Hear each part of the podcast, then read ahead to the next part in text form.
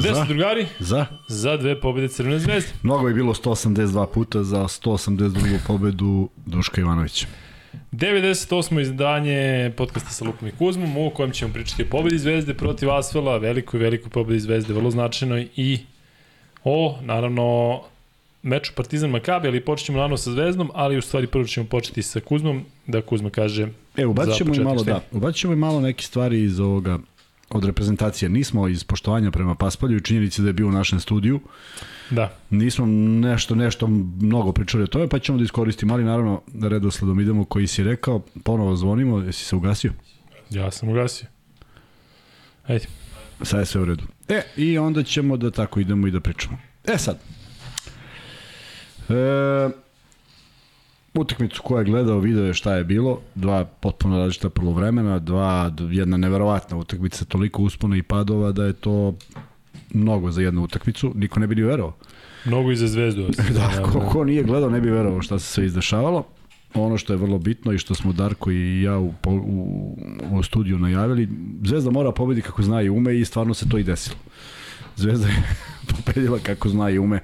Nema mnogo veze sa sa košarkom. Ipak ima jedan detalj o kojem bi ja eto da, da započnem, ovaj koji mi se jako dopao, ako, ako je nešto bilo na toj utakmici što moglo mi se dopadne. Ima, Mogu ja da pogodim. Ko je? Li ima vezu za, sa Sa završnicom? završnicom, da. Da. On je faul Tako na, je, pa tako naravno je. na Ponsu, Tako onom je, dečku koji ne bi pogodio dva penala, tako je. a osim da niko ne gleda E, meč. to je odlično određeno. Moram da te pitam, da li je bilo i taktika šta misliš da se faul pravi na njemu ili na možda dvojici ili trojici iz petorke ili faul na bilo kome pa Nije bilo na bilo kome. Sigurno zato što, zato što je tako dobra reakcija bila usledila, to jest potpuno normalna reakcija posle tog faula, da mislim da je bila i varijanta da on čak bude taj koji će malo slobodnije primiti loptu. Znači ne čuvaš ga. Samo da ne bude Lajti, samo da ne bude neko drugi. To Odlično, se desilo i zaista. fenomenalno. Ja mislim da su oni i dalje u šoku. Mislim da mlađi Parker nije sanjao da će biti faul, nije sanjao da će uopšte takva minijatura biti u opticaju. Da jeste, loptu nikad ne bi primio taj momak, nego bi, uvek, nego bi direktno iz auta išla ka nekome ko dobro izvodi bacanja.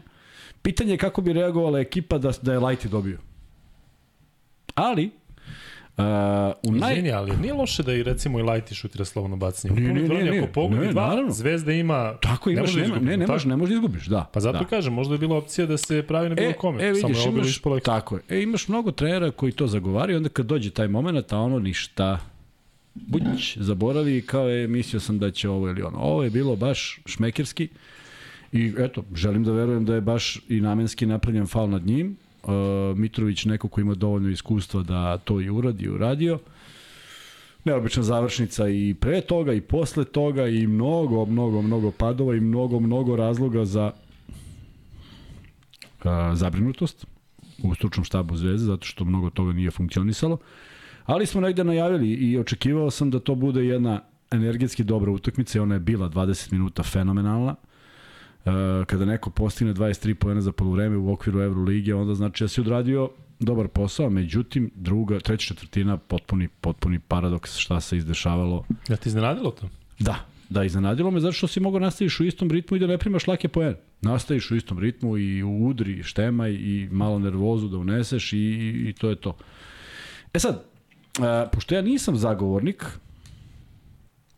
velikog broja izmena, to ste valjda primetili, i nisam baš ovaj, razumeo šta je to što Vlada Ivanović radi sa tim izmenama, ali nisam komentarisao zato što smatram da je to njegov posao. Međutim, velika većina naših gledalaca je pričala o tome kako on pravi mnogo izmena. E, gospodo, sad da vidite kako izgleda kad se pravi još više izmena koje mogu da donesu i ne moraju da donesu ovaj boljitak. Zaista je bilo da je u 10. minutu i 30. sekundi svih 12 igrača bilo na parketu, što ja nikad nisam video.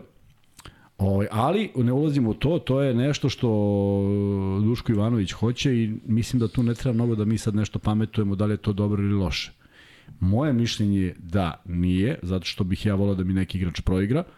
Savremena košarka i njegov način igre je takav, on je trener Zvezde i mislim da tu sad svi treba da završimo priču oko toga šta to i kako to, jer mogli bismo postavimo pitanje kad bismo želeli otkud Vildosa na parketu toliko malo u drugom polovremenu.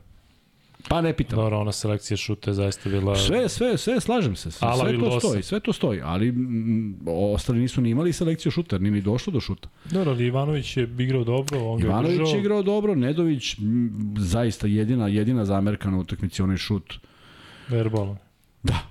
Koji, koji je potpuno, zašto, zašto si brži od tog čoveka, zato što možda iznudiš faul, zato što imaš svu slobodu sveta da i promašiš ako, ako treba, ali to je školski, to je, to je košarkaški, to je košarkaški da. potez. Pritom onaj Trzaj nije bio košarkaški, Da, ono, da, gde se da. izlači lopta odande, Da, pa da... tako je. Tako Pogodi da, on to ponekad, ali Pogodi sad ponekad, baš... ali nije baš moralo, međutim, e onda, a pre toga, onaj fantastičan rolling, poluokret, to jest okret, i onaj, onaj prodor na kraju.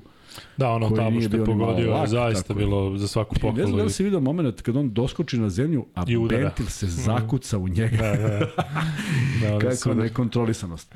Tako da ovaj, a, mogu da ga povredi njegov igrač na kraju utakmice. Tako da eto to to što treba zapamtiti za one koji vole da prate košarku sa tim svim analitik, an, analizama, eto jedan jedan jedan školski primer kako završiti utakmicu. E, potpuno apsurdna odluka i ona mrtva lopta, potpuno apsurdna, da što je Dobrić će mu u rukama jeste jedan dohvatio, ali je i drugi dohvatio, a obično je nekada bilo kada je 2 na 1 da to uopšte nije izvodljivo, a da sudija nešto ne svira. Ali ti se čini da je Polno skočio ranije na, Ko? na to podbacivanje? Podbacivanje, Francus skoči dok, dok skače dok je lopta još Nisam, u, nisam na, uopšte, da, nisam uopšte, uzlaznoj putanji. nisam uopšte gledao. Na, na posle toga. Da, da, to Da, da, moguće, postaje moguće, mrtva lopta. Dakle, Pa bila je čudna, bila je čudna i Mitrovićeva.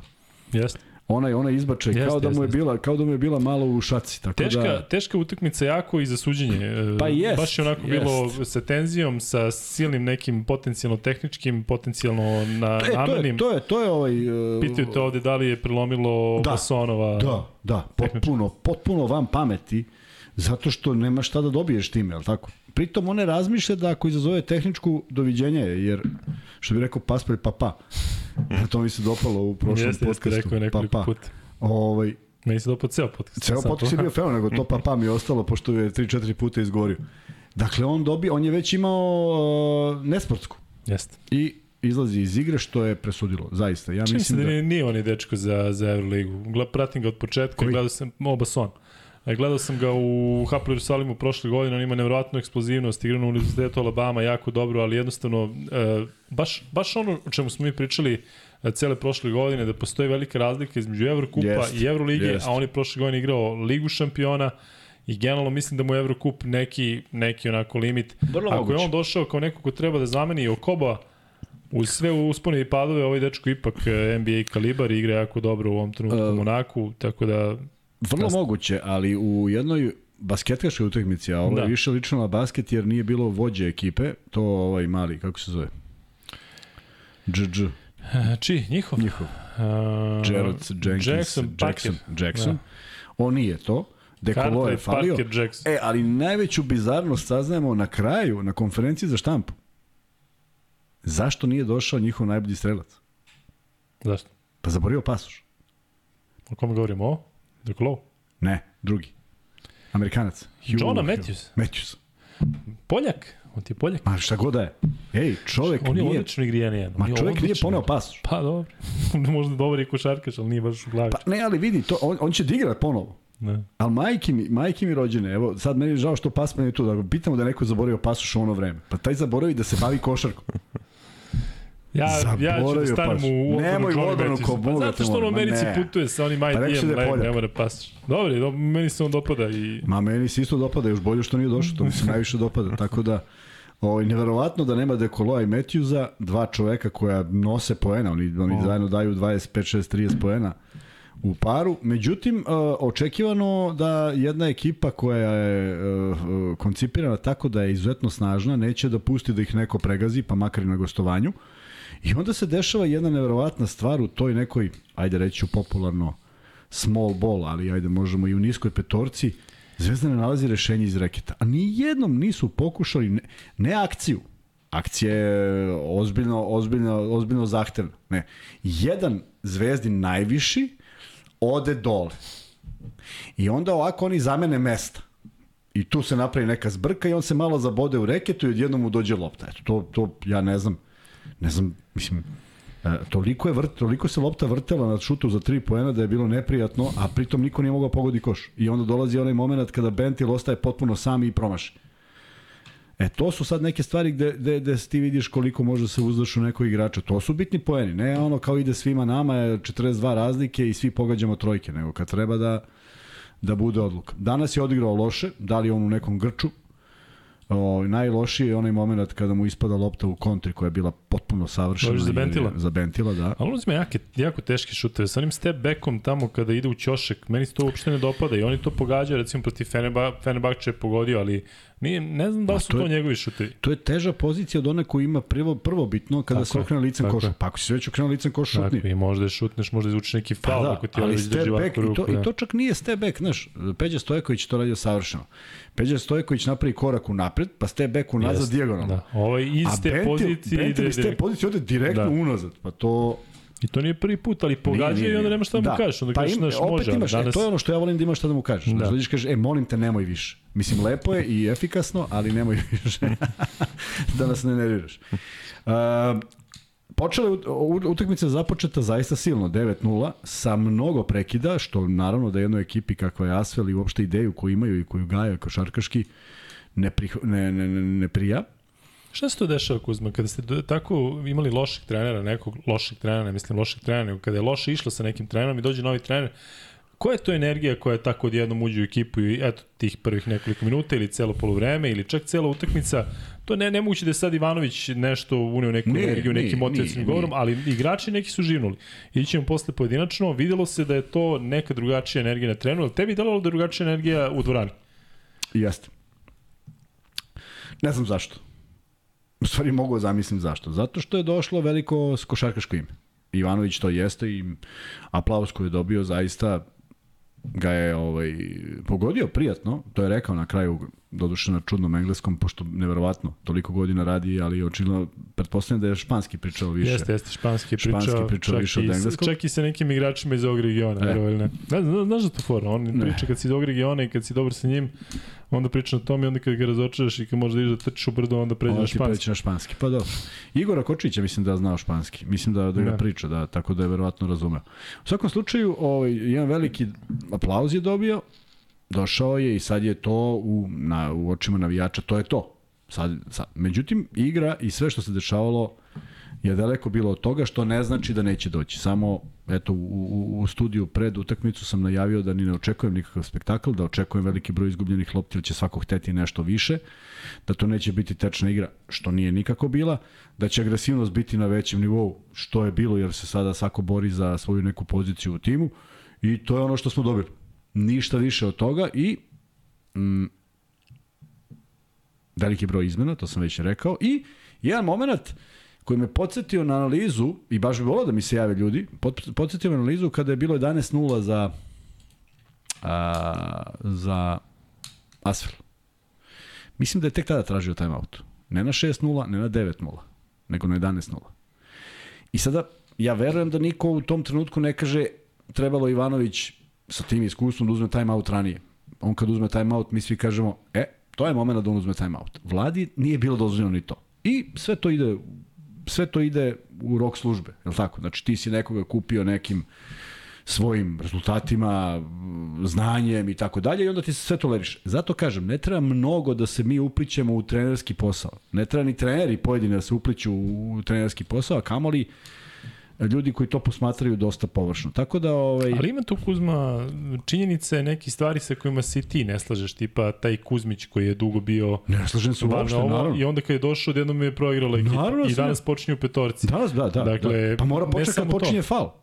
To je, to, to je ono što sam rekao, možda Kuzmić nije imao mesto u svim utakmicama. Ali utakmice gde se nalazi Gorostas kao on, Pa ko bi mu još parirao? Tako, ali bi, bilo je Gorosta sve još protiv kojih je Zvezda igrala. Tako je, morao je da bude ispotreljeni. Ti sećaš da je meni bilo krivo što, što on nije u igri, nije mi bilo jasno zašto. I meni je drago da je opet dao vrlo bitne poene, odigrao majstorski u smislu koliko god je igrao, odigrao je muški, nije pravio greške, nije ništa gubio lopte, nije ništa loše uradio, naprotiv, opet je donao neku stabilnost i sad mnogi pitaju, šalju poruke dok traje utakmica, zašto nema Kuzmića? O, mnogo je niska petorka bila, baš mnogo niska da bi ti stavio Kuzmića da bi šta? Da bi u napadu šta se da. desilo? Jer i ovde je bilo dovoljno visokih igrača da poentiraju. Znači, ta lopta ne bi ušla u reket sve i da je Kuzmić bio. A pritom, ljudi moraju da razumeju, čoveku od 2.10, mnogo je teško da igra sa čovekom od 190. Koliko god to glupo zvučalo. Ako je taj čovek jak, a oni tamo su apsolutno svi jaki, inferiorani. Nema težište, nema, ovaj ga bombači u jako nisko i ne možeš da se uopšte pozicioniraš kao što bi to uradio sa nekim svoje visine. On je lakše, može se uvoli falu, nego će se uvoli nekom čvoru, što bi rekli u žargonu, koji stoji od 190. Tako da, ovaj... I... Mogu bre tih preko 2.20 u Euroligi? Mađe, Tavares, e, ovaj Jusufa Fal, gde su, šta je, šta je to? Po, po, porasli, je li Imao ti osim Vraniša, ili si, ili pamtiš još neko tako? Baš sam danas Darku, baš sam danas Darku rekao, da, Fasulas nije bio toliki, ali je da. njegov, njegov, da, njegove da. dve trećine nogu koje su bile dovde su odavale takav utisak da ima 4 metra, ali prvi moj šok je bio su susret sa Duenjesom. Igrali smo protiv Barcelone, znači nemo šta tiš, prvo on je bio ogroman sam po sebi, visok i još, i još krupan. Da, kad mi da je... smo bili u Barceloni, mi smo bili zapanjeni koliko ima dlakava da, ramena. Da, da, da, to, da, da. Znaš, neko I, i pazi, od svega onog ludila kako je izgledao, kaže, to mu je bio kompleks. da, toga je bilo. toga, toga je uništavao. On je bio neko lepo panje, igrao. Panje, jeste. Ali igrao lepo, lepo za onakvog nekog, za onako, da se okrene. Neko me podsjeća na ovog visokog uh, Gruzica, Gruzina. O, baš. Da, igraju u Olimpijakosu i Panatinikosu i Unikaki. Šermadini. Šermadini. Neko pa pitaj me koji je. Ne znam ovo NBA, ali ovo istok znam. Nije, ne, spam je mozak. Da... Doduša nije iz Georgija, ali još sam, znam još i sam... to je. da, još sam, još sam, još mi Johna Matthews u glavu. E, Vanček, to se ne bi setio ako je bilo večeras. Pool. Kako volim da kažem pool, da, da. to me asocira na stare dobre vremena od 50. podcasta. e, stavi da li su zvezdaši ili partizanovci e, prisutni ili neko treći, iako mislim da to neko treći ovaj će uvijek biti najmanje. Ali evo imamo preko 1000 ljudi u live-u, prvo da se usput zahvalimo što ste ispratili jako lepo i u live-u i pratili dalje onaj intervju sa Paspaljem, zaista jedna četvoročasna, četvoročasna, četvorosatna uh, onako klinika o životu, o košaci, o prošlosti, o ja sam se oduševio, mislim, svi znamo Palju i sve, ali da čovjek onako lepo priča, onako, znaš, Nije, nije jedinstvena, jedinstvena situacija. Jeste zaista. i sad, znaš, on, je, on nije, nije tu, bilo mi glupo, pričam to ovaj, e, pred njim, ali stvarno smo se sreli, on je spomenuo da smo promenili majka i otac u roku od šest meseci, to je, to je period u budućnosti, ja ga tad upoznajem po tom nekom žalostnom i tragičnom događaju. A, jel, svat, jel, ne, jel možda veruješ da ti sedneš s njim to, to u svom njegovom, u svoj njegovoj tuzi i, i ovaj, i sediš i od tog momenta shvatiš da je to čovjek kao da ga znaš 30 godina. Jer on, jer on više nema ogradu nikakvu, on priča s tobom potpuno, potpuno te kupi baš kao što je to uradio i ovde i od tog momenta svako naše viđenje ima jedna fantastična anegdota, da, fantastična anegdota za Palju, nisam ga podsjetio, ali ziš, zaboravio sam. E, Igor Kokoško je bio pomoćni u reprezentaciji 2003. 4. tako nešto. Palja je bio direktor reprezentacije.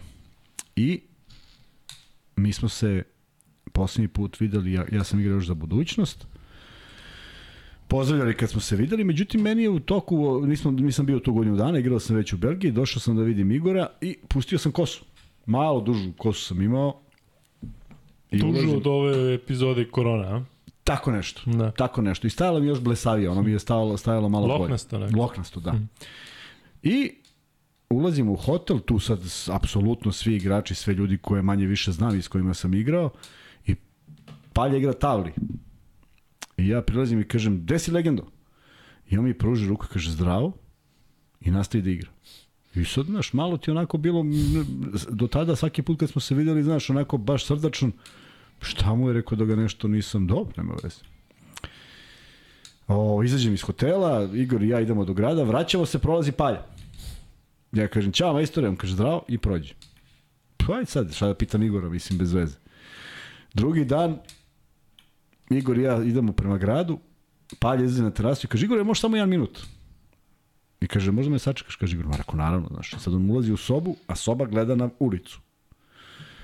I ja ovako gledam u terasu, bez veze odakle izašao paspalj, i samo vidim u jednom trenutku, posle pet minuta, proveri paljena glava ovako i udari se po čelu. I uđe unutra. I izlazi Igor, smeje se i kaže, čovek nije provalio da si to ti. Kaže, on je, uredno se javi i sve, ali kaže, ne dobacuje uopšte. Da. I sluši. I sad mi je bilo lakše onako, znaš, shvatim da je, da je to bilo po sredi i reprezentacija ima trening na futbolskom terenu. Ja dolazim među poslednjima, već tu sedi veliki broj gledalaca, a stručni štab, Palja sedi 50 ljudi od mene. Ej, i ovako scena, ja kako prilazim, taman da sedem, ugledam da se neko podigo na drugoj strani. I sedem. I razmišljam da nije paspalj.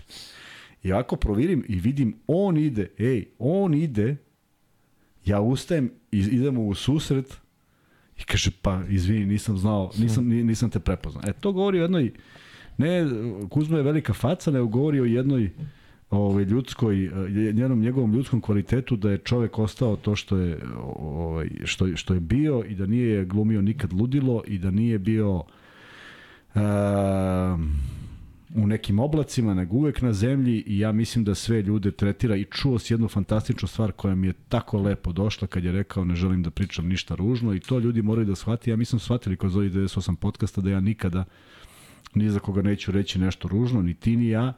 U ostalom, cela ideja je afirmativna priča o košarci, prema tome sve ono što postoji ružno, a postoji, to nije naša tema i drago mi je da smo dobili sagovornika koji je to izneo onako još lepše i, i mnogo mi je drago što je bio tu. I samo još da spomenem da sam mu ja pisao i prošle godine kad smo mi krenuli u sve ovo, međutim, a, ispostavilo se da su ga zdravstveni problemi sprečili da da nam se pridruži. Prvi put kad sam poslao poruku odgovorio je i to je to, videli ste epilog, tako da se nadam da će ovaj njegov podcast dobijati na brojevima i na gledanosti i u budućem. Ali stvarno je ovaj, legenda, ja nisam taj tip da, da ono, padam u nesvest kada vidim tako neke zaista legende, ali on je neko koji je obeležio zaista ozbiljno je pohval. Možemo da kažemo da je jedan od najboljih igrača u svojih prostora svih vremena. Zaista jeste, najtrofejnije. Uh, jest, da. Jeste. I, I poseban je. Izdvojio poseban, se dakle, poseban, i po da. igri i da. onako levoruk da. i sve. Dakle, jedan od najboljih košarkaša ove zemlje koji je donao toliko radosti. I ovde kad je došao i kad je rekao, gde si bre Lukijano kad smo Genti, jedan, da, da, jedan poseban, da poseban osjećaj. Već... Tako da, um, eto, ako niste, odgledajte i oslušajte Ima mnogo e, toga, ima za svakoga, neke stvari nismo spomenuli, da smo spominjali, trajali bi 6 sati. I uvek mi je drago kada misle da ne mogu da ostanu, postane čat, da, da, da, da, sata. Da, da, dakle, da. ovaj, mislim da je njemu bilo lepo, mislim da se osjeti onako Jest. prijatno, posebno kada smo Jest. pričali o tako nekim stvarima onako privatnim, ne toliko košarkaškim, kad ih vratimo u djetinjstvo, pa on priča kako išao tamo kroz Podgoricu sa loptom. To su mnogo lepe stvari. E, neko to da... prenosi, neko je, neko je preneo baš to i naš podcast iz Crne Gore i rekao kako je to divna stvar da se podsete ti ljudi. To znači, apsolutno, ovaj, vidiš koliko to onda u regionu napravi jednu lepu priču, jer to su sigurno lepa vremena kada se taj basket igrao na ulici, što se više ne dešava, kada je bilo bitno ostati do kraja, kada si se osjećao loše kad se vratiš kući ranije, prema tome i, i sad zamisli šta je Paspalj postigao iz tog nekog basketa. A iz toga je postigao, jer ti ako dođeš na basket i odigraš da bi odigrao, to nema nikakvog smisla. I vraćam se sad u sadašnjost, relativno skoru. Moj, pa da kažem, dragi trener, doduše bio mi je trener samo 3-4 meseca, Vojislav Vezović, čovek koji je, kojim smo pričali ovde i koji je ovaj, vodio Šibenku i prvi, prvi, prvi posao mu je bio Šibenka sa Draženom. I prvi minuti koje je dobio Dražen su bili zbog voje i tako dalje. I on dolazi u OKH Beograd, mi idemo u, iz prve B u prvu A ligu. I srećem ga pre nekoliko godina, on je radio u jednom klubu i kaže, znam šta mi se desilo? Kaže, ja ulazim na trening i vidim igra se 3 na 3 pred, pred trening. I kaže, baš se obradujem. Znaš, niko im nije rekao da moraju da igraju. I ja, kaže, ruke na leđe i polako. I vidim pršti sve, znaš, ovo i ovo i ono. I ja priđem onako i kažem, momci, koliko je? A ovaj kaže, ne brojimo, kaže. Kaže, šta radite? kaže, ne brojimo. Sad on prekida basket, kako možete nešto da ne brojite? E, to stvarno nije bilo moguće. Koliko god to sad glupo zvučalo, sve se brojalo. Svaki basket se računao, svaki koš se računao, jer si iz toga stvarao pobednike. Ako ti je sve jedno koji će rezultat na bude u basketu, bolje da ga ne igraš. Da. Ja nikad ništa u životu nisam vjerovao da bude sve jedno i kažem ti, jedno sam ti prilikom rekao da one All-Star utakmice na kojima sam učestvovao su mi predstavljali ozbiljan problem, Da. jer nisam znao kako Dobro se zavolju. E, zato ne voliš NBA, priznaj. Između ostalo, pa da, ja bi tamo E, svako da pobedim. Vladimir Koščica je donirao i hvala puno Vladimire. Imenjače, E, hvala. Kaže, evo, ako on poziva na like, dajte ljudi lajkujte, stvarno sa lajkovima smo tanki, možda ja i Kuzma, ovaj, kada pozivamo, to nije dobro. ovaj, E, samo ti kažem da kasnimo dosta, znaš. Imamo još koliko dana? Šest dana.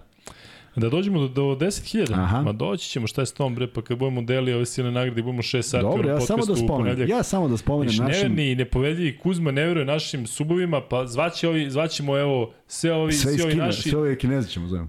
da, ali da, da Braćo ono, Kinezi. mame, tetke, svi da... Dobro, ja da- samo da kažem. I posle mogu da se od, od subscribe-uju. Samo da dođemo do Samo da dođemo svi zajedno kad budemo cirkali ono Ja noć. samo da kažem da je danas, koji datum? Danas je 17. novembar za 30 minuta 18. Znači, za četiri dana je naš stoti podcast, je tako? Da, u ponedljak e, stoti podcast, onaj koji će trajati rekordno da e, zeznemo Šarenog, da Šareni posle kad dođe da ono ima ovaj razlog za rekord. Ajde, nastavi pa ću ja. Imamo 9481 prijavljenog korisnika. Znači, fali nam 519. 519, ali kažem ti, izvaćemo ih tada da ovi Ne, ljudi... zove, ja ih zovem svi- sada, pa ako, Zovemo ih sada, Pa stvarno da se naljutimo, onako ozbiljno ću Ne, ali ja, meni baš ono da, da, da, ovaj, da te noći ono, jurimo taj Te rekord. noći kad krene. Cirkat ćemo tada i delit ćemo mnogo nagrada, imat ćemo mnogo iznenađenja i spremamo i dalje to. Uh, u svakom slučaju možemo sada da vas pozovemo da nam čestitate. Dakle, primamo sve vrste čestitki i sve ćemo da ih, da ih uh, objavimo tipa, bilo bi lepo da možete napraviti neki videoklip da vas vidimo, voli bi to. Voli bi da, da, da izađete iz onog šablona, čestitamo vam sve najbolje, hvala puno tom podcastu, baš da možemo onako da prikažemo slike, majmove, e, videoklipove, da zaista ovaj, i vi budete deo tog podcasta. Kažem, trajaćemo 6 sati i bit će tu svega i svačega, ali pre svega bit će zaista veliki broj nagrada i e, zato ja da čekam da sa vama proslavimo taj stoti podcast i ono o čemu smo pričali, dakle stoti podcast je 21. novembra koji počinje kad? U 10, zato što je tad svetsko prvenstvo. Pomeramo slavu za jedan dan. Sveti Aranđel ove godine nije 21. I 20 i ulazimo u 22. novembar, a prvi podcast je izašao 22. novembra. Tako da je to duplo slavlje. Samo Kuzma ovde malo da pustio i Chris Cross. Je to Chris Cross? Jump? Chris Cross, dobili smo Too Many Angles, se zove momak sa, ovaj, sa Instagrama koji vidi šta škači. Sad ćemo dobijemo u priči. Ekstra, ku, kucovi. Vozi bajs, ima kuće i gleda nas. Ma kako ne, pa to je. Pa ovo, ovo s kučićima je najveći car. Dakle, što više životinja, to bolje. Ako hoćete da usvajate životinje, javite se nama, imamo na raspolaganju kučiće, mačiće, Luka šta sve. hoćete. Da, što god hoćete. Ptice, ribice, sve, pume. Pume ovaj, isto u sve možemo da, da, da vam doniramo. Ali šta sam hteo da ti kažem u vezi Chris Crossa. E, jel pamtiš Chris Cross? Kako da ne? Naravno da je jedan momak, on je umro u 30. Ne, ja sam, ne. Jedan od one dvojice, čak sam mu znao ime, je preminuo baš rano. Ovaj, kao što iz Mili Vanili, sećaš se Mili Vanili? U, kaka prevara. Prevara veka. Ne, dobri su, pa i Backstreet Boys su prevare, pa evo. A ovi su prevara danas. stvarno bili prevara, ovi ništa Ja nisu su, pevali. posle su naučili malo da... Ma da, gde da, su naučili, bio neki živi koncert, svi se zgrozili. Pa je, I pa više kako- nikad nisam čuo za Pa sam vidio da Mili. Backstreet Boys da su oni pevali, evo danas pevaju, imaju nastupaju i dalje. Tamo neka tragedija, preminuo Aaron Carter, sve nešto ljudi umiru. Ko je, ko je umro? Od uh, Nika Cartera iz Backstreet Boys umro mlađi brat Aaron Carter, koji inače bio problematičan u 34. godini, ali ovaj, sam nešto... I to je najveća pošast koja se desila koš, ovaj, ne košarci, nego muzici, ovaj, ti Ko? boy, boy bendovi. Backstreet Boys? Ma svi, A, svi do jednog. New Kids on the Block. Ma idi, pa tek to. A NSYNC? Ma, NSYNC je bio molim dobar. te, idi dalje. Sve Šalim da se. Bilo je, bio je jedan onaj koji kao nešto, ovo, ali u stvari nije loš. Ma kakvi čovječ. Ovaj, ti si volao ženske, one girl band, nisam volao ništa. Ma, ne Snap, nego one, kako zove. Čim ih ima više od, više od jednog pevača. Ne Spice Girls, nego one, Let's talk about sex, baby. Ko je to? Salt Ma, and Salt Pepper, and- sve nada, ima film Salt and Pepper. Pa vidi, ako ćemo već o tome, Bengals su bile bar, bar Ko? preslatke Bengals. Bengals? Walking like Egyptian. A, da, dobro, jes. One su makar bile i ona drži gitaru, znaš, mislim drži koji ja što držim gitaru. Ali lepo su izgledali. Gde odo smo od, e, od Bananarama, Duške Bananarama je Manovića? bila sa najvećim hitovima. Bananarama? Da. Imali su neke misteriozne pesme. Aba, dobro, Aba muško-žensko, to je Aba, okej, da, 2-2. Ali, o, o, a kad je krenulo to sve muško, to je sačuvaj Bože. Znaš ti koliko su oni bili popularni? Pa strašno. A ovaj Justin Bieber ti je isti, samo nema četvoricu Pa, oko sebe. To pa je, da, to je pa to što... I to slušaju deca do 11 godina. Pa nije. Ja ne znam ni jednu pesmu Justina. Ja, ja sam mislio da je to for, da on ja postoji. neku. Ajde. Ko, koju hoćeš da ti otpevam? Pa neku? daj bilo koju, mo- možda izmisliš. Izaberi je. koju hoćeš. Ja sam mislio da je fora, da on samo postoji, da ga neko slika, da on u stvari ne peva. Jer nikad nisam uspeo da obacim do toga šta to on konkretno peva. Što najgore, nije on toliko loš, neko malo polupan sam, nesretan, ali bio onim nije ono kad su se Ma reunitovali, pa je ono molim te, došlo. nije toliko loš. Jer... Nije loš dečko. Ne, ozbiljno ti kažem, neka Dobar tragedija. čovjek ovako, tragedija, tragedija, neka silna Znaš kad tragedija. kažu dva košarkaška trenera kao, kakav je igrač? Pa kao, pa dobar je momak. Pa vodi ga da se, da se družite. Tako i ovo. Nikola Danović kaže, ajmo 10.000 ima nas i Ajmo, hvala na Nikola. donaciji. Nikola, uh, čujte donacije za ovaj poseban dan tada, znači ćemo da cirkamo svaku donaciju, ali ovaj, spremit ćemo nešto i za vas, tako da gledat ćemo da vam se odužimo za sve i svašta. Uh, Elem, Kuzma, da se vratimo i na zvezdu posle o Pepe i? Bengalsi i ovih Spice Girlsa. E, znaš šta me zanima, Kuzma? Ajde mi da pre nego što pređemo na igrače, da pričamo malo Viktorija promeni Beckham trenera. čak nema nigde ni da otpeva nešto. Ej, svaka ima nešto u spotu. Ona nema čak ni to. Ima, kako nema. Majke mi rođen, ima Ima. jedan spot gde nema ni to. Pa u jednom spotu nema, ali uglavnom je. Pa je Ko ona, strašno je kad je sinhronizovan. pevala ona Jerry Halliwell i ova glavna crna. Pa naravno, a ove, ove tri skakuću. E, I svi Tako i ona, gledali, tako svi ona gledali petorica. Viktoriju. Da. E, a jedan je, jedan je nerd, onaj klasičan, znaš. Jedan je ružan, jedan je šmeker, jedan peva, a jedan drami. Uvek isti. Ja, ti Backstreet Boys jadni, svi imaju neku muku, ne, neke teške životne Teške, priče, teške. bolesni. A, misliš generalno, u Da, životu da, stvarno? da, da, da. Pa i pesme. A šta bile. teški, teški, šta Mislim, ćeš da teške, teški tekstovi pesama, nešto, sve, sve tuga neka. Jeste, ono ih je Pa baš. idi, molim te, čoveče. Ovaj, ele, e, mm, šta smo hteli? Lagano pitanje za Kuzmu. Da li je pregovarao sa Partizanom po istoku ugovora sa Jesam, budućnosti? jesam, Jesi? jesam. I? Uh, odlazim, odlazim iz budućnosti i dobijam vrlo interesantan poziv. Jednog čovjeka kojeg sam žali, zaista želeo da ugustim i pisao sam mu. Nije odgovorio, ja se ne ljutim, jer mislim da će doći vreme da dođe. Kako se zove? Zove se Lade Divac. I on je bio tada predsednik kluba, ili već nešto. Ne, nije baš predsednik. Nešto, neku funkciju imao. Ćao, Lade, ovde, možemo da se vidimo? Može, rekao. Gde možemo? Možemo gde god hoćeš. Kaže, ajmo u šansi u 12. Ja došao u 11. Zamisli da me čeka divac, malo bi bilo onako neprijatno. Negde već u jedan počnem malo da se, da se neriram, znaš, sad glupo mi da ga pozovem.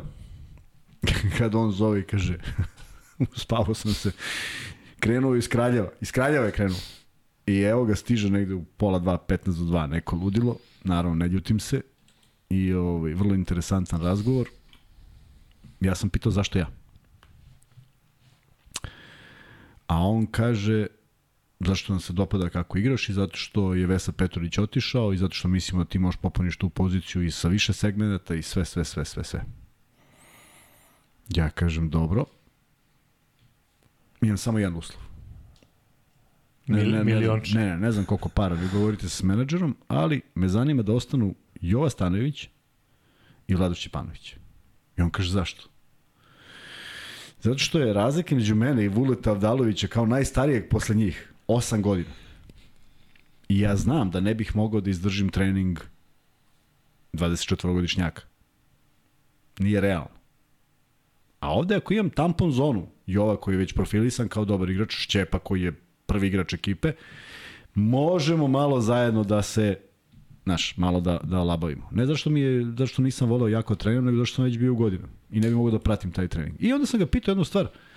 Bio je fenomenalno iskren, ja kažem, e, jel me zoveš, ali me ne zoveš u klub zbog tradicije crno-bele boje i, i institucije i svega. On kaže, ma jo, kaže. Nisam uopšte teo to da upotrebim. Zovemo to zaista, hoćemo napravimo tim koji može da bude konkurentan, tako dalje. I nisu ostali i ova i, ovaj, i Šćepa, i u suštini nije to bio neki razlog, nego je zaokret napravljen, pa, pa je baš podmlađena ekipa bila te 2002. godine. Što ti bre bio zahteva nešto bre? Vrlo jednostavno, Ovo, baš- ovo, baš- ovo da ostanu, Baš, a da ovo... znaš, zašto, znaš zašto? Znaš zašto? Zato što, ovaj, zato što sam imao 32 godine, 32? 31 godinu. Ajde, ste pričali o lovi, izvini. Ne, Ništa. nijednog trenutka. Ne. 31 godinu sam imao i stvarno mi se nije mirilo da idem preko. E, nisam želeo da idem preko zato što sam znao sebe znam da ne mogu da preuzem ulogu klasičnog indijanca, onog stranca koji samo prangija, jer, jer nisam tako baždaren. Zašto sam tri prethodne godine i jednu godinu u Beo Banci i mnoge godine u svojoj karijeri igrao za tim i ja sam znao da će jako teško da, da, ja, da ću teško da se adaptiram na nešto novo. Još sam u Belgiju. I Bog me pogledao pa mi dao šest fenomenalnih Amerikanaca, pa smo sarađivali fenomenalno. Inače, jako je teško pratiti taj ritam jer potpuno drugačiji principi vladaju. A Čomba, brat, jesi njega računaš? Čombu ne računam, pošto je on samo naučio jednu lekciju. Tako da je to propalo, a možda sam mogao zaokružim karijeru u, u Jugoslaviji tada, faktički u svojoj zemlji i da, i da ne idem nigde. Ma šteta, mi... možda bi u Partizanu onako imao neku drugu mladost, meni baš žao, volio bih da vidim kako to izgledalo. Možda, te, možda te ne bi sada prozivali toliko Mm, kad bi bio i Zvezdin i Partizan. Verovatno, a možda bi me još i više prozivali, ali to sve mm. nije važno. Meni je meni najdraže kad mi Srđan Radović dođe i kaže da je kao klinac gledao finale Partizan Beočin. I kaže ti daš koš i ja bi svašta ti kažem, ali ne znam šta. ne nerviraš me, ti samo igraš. Ja nikad nisam imao gestikulacije prema navijačima, ne verujem da sam isprovocirao jednog navijača. Stavio sam na toj tekmi nešto 26, 28, no? Prvu 16, drugu 28, da. U Pioniru? Mm. Koliki je to prosek brzo? Na te dve utakmice? 40. Prosečno. Imamo još jednu donaciju. Milan Pavlović, komentar faul na 7 sekundi do kraja iz samog učbenika košake. Da li mislite da će Radujica vidjeti teren nakon duškog dolaska? Vidu ga i večeras, vidu ga i večeras, samo iz, samo iz, iz, iz ugla, da. Uh, komentarisali smo Milane taj faul da je zaista mm -hmm. odličan i da je da nije Za slučajan. jeste, nije, i da nije slučajan, tako. pravi. I ne smem, Kuzma, da, da ne, ne pomislim da li bi taj faul bio da je Vlado Ivanović tu. Ne, nećemo da mislimo, nećemo ništa da mislim. Ne, ne, ne da, da mislim. Nemoj da misliš, da. Kuzma zabranio da mislimo. Dolazi u klub samo ako je tu Stanović i Šćepanović, vidite koliko je teško raditi sa Kuzmom. To je, Šta? Ne, kažem, Kuzma zabranio da mislimo, neću Partizan ako i ovaj iz Šćepanović nije tu. Ne znate kako ja pakao prolazim ovde godinu dana, znači ne sme da se misli, ne sme ništa. Ništa, autokrata potpuno. E, A ko je to pitao, majke? Ko je? Pa to pitanje, baš me zanima. Pa je, dok ja to nađem... Ne, ne, sad prekidamo emisiju dok ne nađeš. A što ne bi ti naš, a? Gde da nađem? Pa ja ne gledam. E, U svakom slučaju jeste, jeste istina i baš mi je drago da je neko pitao. Vuk Grbić kaže e, da stavljamo šorce paspalja, doći do toga, uči samo, ja, biramo jedan dnevno, ne stižemo više, ni znaš da je svaki intervju po 8 sati dok to preslušaš i dok izabereš nešto, ali bit će i pita ko će voziti kući kada se napijete u ponedljak. Pa znaš kakav je plan? Da se napijemo, da podcast bude toliko dug, da se napijemo, pa da se otreznimo u, do, do, do, koliko u drugoj polovini podcasta. Da, tako da će biti ovaj da će biti to vrlo vrlo zanimljivo. Uh, Elem Kuzma, šta kaže da se vratimo na ovu utakmicu između Zvezde i Pa ja mislim da je ovo zanimljivije sve što smo ispričali od te utakmice. Odlično, ja, ja, ja bih samo ovom pričao, ali... Ovaj... Od ove konkretno večeras jedino što... Pazi, mogu... rast, 1242, kako si ti krenuo da pričaš o ome, to je ovaj, bilo... Pa to su interesantne stvari, znaš. Jesu.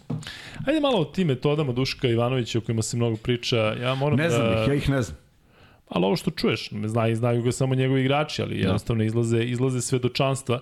Um, je li ta ozbiljnost u stvari neka najnormalnija stvar? Je to nešto što, što nije nešto posebno?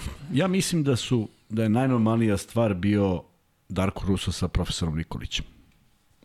Ja mislim da je Željko Obradović bio najnormalnija stvar. Ja mislim da je Muta Nikolić bio najnormalnija stvar. Ajde, setim još nekoga s kim sam radio. Nisam da, sa Željkom. Da, poentiraj da, da imu... A poenta, poentiram da je ovo ovako iznad malo najnormalnije stvari na svetu. Zato što su zahtevi bili nekada uh, zaista preveliki. Dakle, one priče koje sam ja čuo nisu priče iz 42. ruke, nego ljudi koji su igrali kod njega, trauma neka na aerodromu, 100 sati se čeka, putuje se ko gladna godina, prošao je termin za trening i oni su u autobusu i mogu teoretski da stignu na posljednjih sat vremena. I oni idu pravo na trening. Znači, taj trening treba bude započet ako si ti sleteo, došao u hotel, ostavio stvari, malo se umio, čalabrcno nešto ili ne, i ideš na trening. A ovo je potpuno, potpuno drugačije. I ja znam da su i Željko, i Muta, i Darko znali da u tim momentima kažu, ok, ovo nema mnogo smisla. Ovde to mora bude tako. I to je davalo rezultat. Mi ne možemo da negiramo uspehe Duška Ivanovića koje je, davao, koje, koje je pravio. Dakle, to bi bilo stvarno nerealno. Da mi pričamo, e, znaš, on ima 181 pobedu, ali sve to bilo jako naporno. Ma nemoj. E, sad je samo pitanje, ovo što je Darko postavio pred, pred ovaj studio. Kolika je razlika kada selektiraš ekipu da to radi i kada dobiješ ekipu da to radi? Ogromna razlika. Kad je selektiraš, to su već momci koji su potpisali ugovor sa idejom da su došli kod tebe i da će da skaču s drugog sprata ako je potrebno. A kad naslediš ekipu, može bude i ovako i onako. Ja bih volao da ne bude onako, nego da bude ovako, da oni se svi prilagode, ali da on u istom trenutku izvuče od svakoga taj neki maksimum koji može da da. Videla se jedna jasna ideja. Holand je negde sada u centru pažnje. Šta je uradio? Ništa. To ne može da mu, oslob, da mu omogući trener. Ne može sad on kaže, aj svi se malo pomerite da bi on dao koš. Dakle, Ali Ivanoviću može, očigledno. Ivanović je eksplodirao, bio je Ivanović potpuno... da, potpuno... Ivanović da. Tako je. Dakle, eto, ta promena trenera neke igrače uticala e, kako jeste, treba. Jeste, tako? ali mi nismo videli drugačiju igru Ivanovića. Ali videli smo slobodniju. Slo, slobodniju, slobodniju, možemo da kažemo. A nismo videli drugačiju. Nisu to bile pozicije da je sad tu bila neka uhahaj, akcija fu fu fu i Ivanović sam. Nego su to bili šutevi koje on uzimao. Ali ih ne, viš, ne više ne šutira u grču. Pa slažem se. Mo, moguće, daj da vidimo. Ne možemo što na uzorku od jedne utakmice. Daj da vidimo. Želim da verujem da je on jedan koji se oslobodio. Onda moram da se, da, da se pitam. Pitam se navijački. Gde je Lazarević? I šta se desilo? A onda kažeš, ok, Holand je taj koji mora da bude izbačen. Dobro, sve ima smisla. Martin, jako malo. U krajnjem slučaju, kad je fol na terenu, Martin, čemu služi? Ali gde je Martin kad je niska petorka? Pa je bio na terenu, ali gde je onda Martin kad treba da da koš? On je upisao koš, što je veliki problem, naravno za stranca.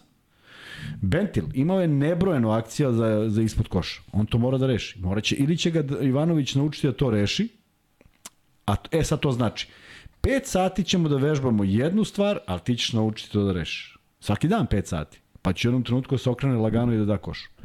Tako da ima tu mnogo stvari... Vežba će se 5 sati. ja Vežba će se mislim, da. 5 sati svakako, pa ti nauči ili ne nauči. Uh, mislim, da, mislim da je ceo fokus treninga od 3 dana ili 2 dana koliko je ta ekipa na okupu, a nisu ni toliko, s obzirom da su i Ivanović i Mitrović i Dobrić bili Ponedjeljak, da. sa reprezentacijom u ponedeljak, je tako? Znači, mm. mogli su od utorka da treniraju dan i po. Mislim da je sav fokus i da se sve uopšte sve što su radili sve svodilo na to samo da se pobedi Asvel, što je urađeno. Da, i meni se čini da nije, ne mogu da kažem da tajming nije slučajan, ali e, neko mi delo je da Zvezda gostuje Barceloni ili Realu ili nekome da možda ne bi bio, da se čekao taj neki moment da zaista bude možda neka lakša utakmica. Da je tajming ispod dobar, kako god. Možda je tajming, možda je tajming opet što je Darko rekao, možda je tajming procena da je sad ovo moment kad kreću serija tih utakmica kod kuće, pa daj da ne gubimo i to je. vreme, nego vidjet ćemo, vidjet ćemo. Ono što je vrlo bitno da je Zvezda imala jedno od boljih poluvremena u ovoj sezoni, zašto to nije nastavljeno, hiljadu pitanja i odgovora sigurno A postoji. zar nije to najbolje i za trenera i za sve, da, je, da ovde ima 100 stvari koje mogu da se poprave, a dobije se Nije, utakmicu? nije najbolje, zato što je ovo stvarno misteriozno dobijena utakmica. N- Ja čak mislim da je veća greška, da je veća, da su veće greške Asfela nego što je što je Zvezda odigrala dobro u tom periodu. Ali, ali znaš na čemu treba da radiš, a pritom imaš dobru atmosferu zašto si pobedio. Uh, Tako? ali vidi, to je toliko mali broj asistencija, to je toliko individualnih akcija, to, to je toliko svega bilo na, na kašičicu od kraja prvog polovremena. Dakle, prvo polovreme je bilo sve kako treba. To što je postigla Zvezda, koliko je postigla? 30 pojena Kada? u prvom. 30 U prvom 23. 38. 38 23. Da, pa da. ti pa ti si ej 38, pa to je puna kapa. Ne, nevjerojatno, 23 poena je primilo u prvoj i... A onda 30 u, u, pa to je, e, e, treći. to je. Šta, šta je sad šta se sad tu desilo? Šta ste zaborili da igrate? Sad možda dolazi do pada koncentracije, do umora, do čega god. Potpuno ne ulazim u to, Pritom je ali Asfel, da se slažemo Kuzma, prilično tanak. tanak. Tanak u ovako i bez I metiša. što se tiče pojedinaca i nekih odluka i šuteva i selekcije Sve se i potpuno odluka... slažem. Da nije bilo Lajtija i da nije bilo obas, Jeste. oba, sa, sa Obasona. Obasona, ništa od toga ne bi bilo. Slabo sam ti sa imenima, Be- da. Belgijanci ti slabo idu. Što? Ovaj- Kako se zove onaj kongoanac koji je igrao s tom pa posle s Kobijom? U, kako se zove? Da, što je četiri puta bacio na tablu, pa skida sila... Džab. Ne, ja znam kako se zove. Stvarno? Može se setiš. Pa podsjeti, pa te znam. DJ Mabeng. Mabenga, Mabenga, da. jeste. Nisu mu, te godine u Belgiji su mu, nisu mu dobro objasnili da ne sme da dira loptu kad uri u tablu. Nebrojeno koševa je priznato. Samo kad lopta pogodi tablu, on skoči uredno i skine.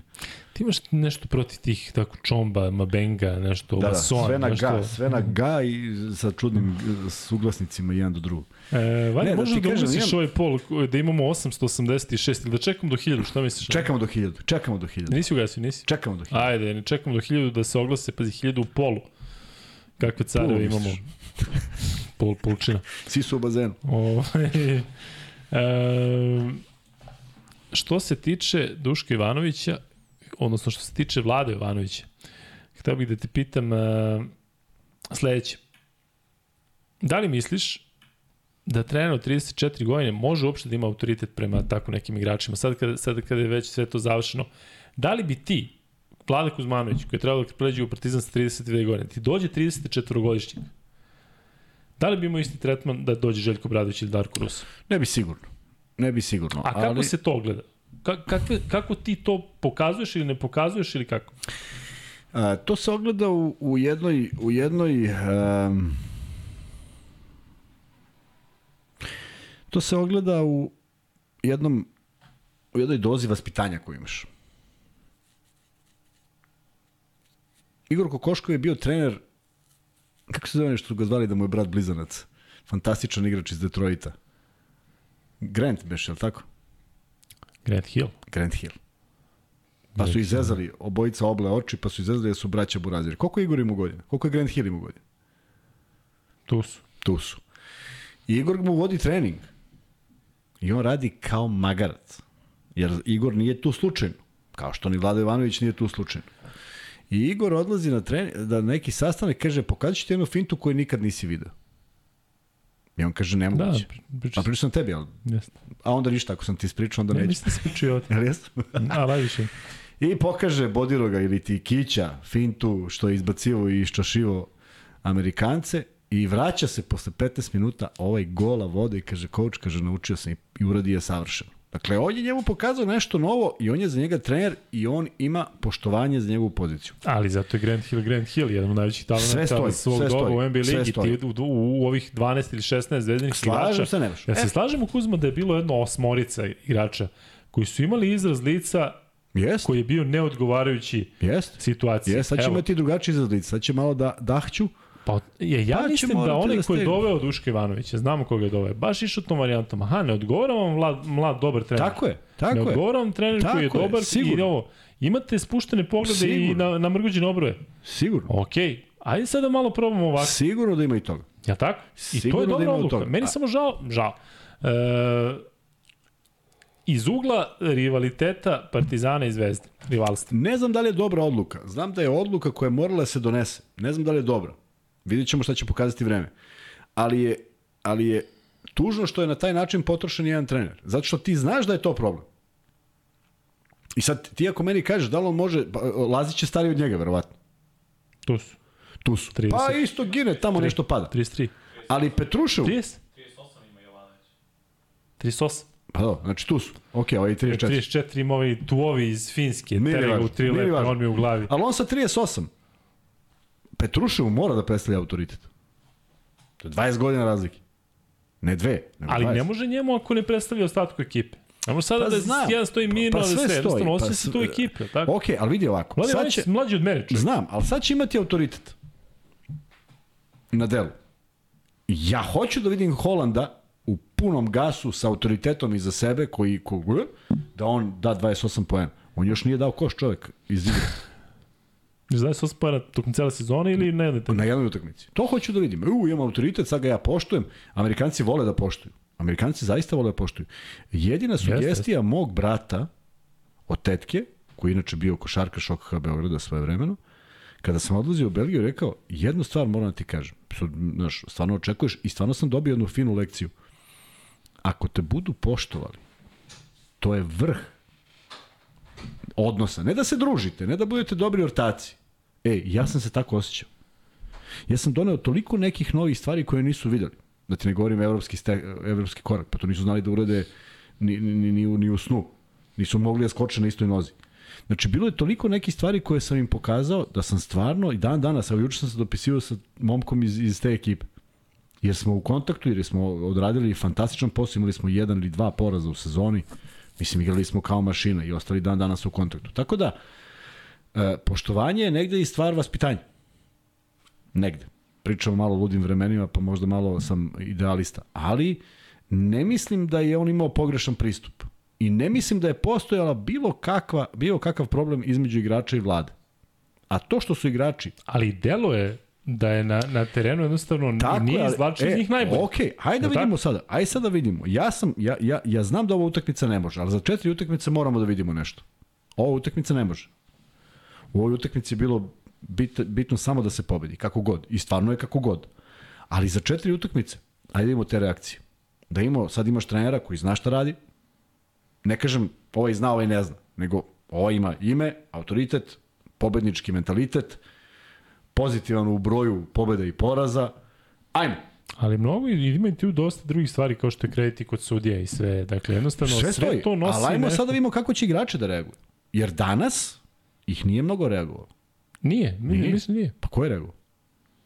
Ivanović za početak. A gledaj sad ovo, imaš Bentil koji ti nosi igru, Ivanović koji ne može sastavi. N nisu obojica. Jedan je. Imaš Vildosu koji nije proveo na parketu mnogo u odnosu na koliko je provodio. A meni, ali je da u prvom poluvremenu je on imao reakcije sve stoji, koje one sve stoji. Vildosa koji je došao prvi drugi dan u Zvezdi. Sve stoji. Meni je Dobrić čak delovao sa boljim boljim gestikulacijama, boljim govorom tela nego, I, nego sad. to ima neke logike od onoga ti kaže izvoli, igri, igri čoveč. Ja ne mogu da shvatim da postoji bolje. A ja mislim da on imao blanko svo, svo, sav kredit ovog sveta. On je mogao šutno 84 Kod vlade. Kod vlade. A ovde se igra u Grču igra bolje. Nema logike. Ali valjda to tako treba.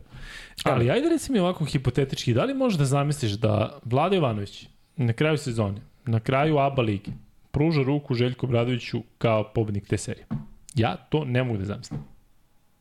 Evo, ja, ja i, e, da sad 3-2 za Zvezdu i sad Vlada Ivanović i Željko mu kaže bravo mali, pokide se sve. Duško Ivanović i Željko Bradović mnogo bliži jedan drugom po, pa, po godinama, iskustvu, ta stara škola pa, znam, i, ali sve. vidi, i 91. godine ovaj, kada su čestitali Željku, niko nije očekivao da ćemo čestitati. Da, ali Željko je bio deo Partizana. Pa tako, dobro. Željko je bio deo Partizana, on je došao na trening, samo je trebalo da se navikneš na njega, sad mi je bio igrač, a sad mi je okay, trener. Okej, a to što je bio, Ivanović, ne, ne, ne, neki od njih nisu znali. To što je bio znali. deo Partizana, pa da, da navedemo još i trenera koji su pokušavali na taj način, bili su deo velikog sistema, pa ništa. Jeste, ali Vlado Ivanović, e, sigurno ej, sam... tada imaš trenere tog vremena koji su hu. Jeste, ali 7 e, od 8, 7 ili 8 igrača Crvene zvezde novih, stranih, nikada nije čulo za Vlado Ivanović. A tako? Slažeš. Ne znam da li Bentil iz Armanija platio šta se dešava sa Cibonom i to. A tako? Holand isto sigurno za bursu i sve. I sa te strane, dakle, dolaziš i sad vidiš jednog mladog čoveka koji sigurno ima energiju, koji ima onda ne bi, ne bi niko nikad ne bi počinjao. Ej. Ali Željko Bradović je bio deo Ma, tog sistema. Se, ali niko nikad ne bi počinjao. Ko, kako onda, ko ima onda šanse da počne? Šta treba ga svi znaju u startu i da počne da radi i svi ga znaju? Pa to ne, ne nego samo kažem da mi nije išlo u to, do, dovedeš osam novih igrača i dovedeš novog trenera koji je mladi, koji treba sada tu da se kali. Samo je pitanje šta je ideja. Jel biti ili ne biti? Ili idemo da ga napravimo da bude? Ali bi ti bio spreman na to da Zvezda ove sezonu žrtvuje, da igra sledeće sezone Evrokup, da izgubi ABA ligu i da Vlade Vanović gradi nešto što bi moglo za nekoliko godina da, da rezultat. vidi, ja ne znam, kad bi bio u klubu mogu bi ti odgovorim, ovako mogu samo nešto Ne, ne, ti sada iz svog, da li bi, da li bi ti istrpeo? I sve ugla, zavisi šta bi, šta bi žela. Ne mogu ti odgovorim šta su njihove želje, šta su moje želje. Ja bi voleo, ja, ja ne bi selektirao ovakvu ekipu, ako mene to pitaš. Pojedini igrači ne bi mi bili u sastavu sigurno. Tako da mnogo bi bilo sad tu šta bi ja, kad bi, a uopšte ne želim se bavim time. Ja samo kažem da neki momak, kad, neki trener da bi uspeo, ne mora da ima 50 godina da mu to bude prvi posao, nego može da bude i manji. Uh, Alimpijević je otišao iz razloga što upravo to nije uradio. To je bio pritisak javnosti više nego što on stvarno nešto nije uradio. Ali Olimpijević, pa dobro, ali Zvezda je ispala iz Euroliga, tako? Pa jeste, ali šta i, pa, na, pa naravno, ali promašenim zicarom jednog igrača. Pazi ti, jedan zicar menja celu priču o tom čoveku. Nije logično. Ali se sećaš Ili je situacije, dobar ili nije dobar. ali se sećaš situacije na klupi kad je on ono Udriću šamar e, Dobriću i Davidocu ili već kome. Sećaš se to, da je bilo nešto kao sad treba neko da šamari. Dobro, i Setiš to dobro i loše. Nije, nije imalo, nekako je izgledalo čudno. Ne. Da mlad čovjek tako. A drugo, mi Alimpijevića izdiže, udižemo previše i svakom čas za bursu. Ali zaboravljam da Alimpijević imao još neprijatnije iskustvo u Autodoru. Je li tako? Nemam pojma. Nije, e, to hoću da kažem, da nije Alimpijević otišao iz Zvezde, ovde ga nisu istrpili i sada je pokazao svoje trenersku e, na prvom mestu. Pa nije On je u niko. Pa nije niko. nije ostao nekoliko meseci. Pa dobro, možda je bilo havari u Bursi dok znamo šta je bilo. se po, potrefile su se stvari. Tako je, pa tako je. I sad, ne, ja nisam, nisam pristalica toga da se priča kako je Olimpijević bio loš trener u Zvezdi, ali nisam pristalica ni toga da je on sada najbolji mladi trener svih vremena. Nije. Jednostavno, Bursi je dobio i Nije, on sam samo neku ne, podršku ljudi. Ne, sad samo razmišljaš kako bi se razvio da je ostao.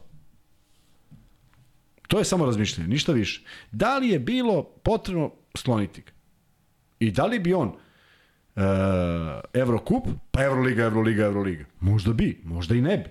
Možda bi to bilo nakaradno. Mi nemamo pojma, ne možemo ništa da, da zamenimo. Poenta je da je on uspeo da posle jednog koraka naniže, kad izađeš iz Zvezde i Partizana, to je korak gde god da ideš, jedino ako odeš u neki F4 klub, ali to se redko dešava, uspeo da se izdigne kroz dve sezone i sad je tu napravio neki rezultat koji nije slučajan. Znači nije slučajan bio ni u Evrokupu, nije slučajan bio ni u prošle godine ek- e, utakmice koje je pobeđivo i ove godine koga je dobio, da li Fener ili Efes, nekoga, Efes je pobedio, tako?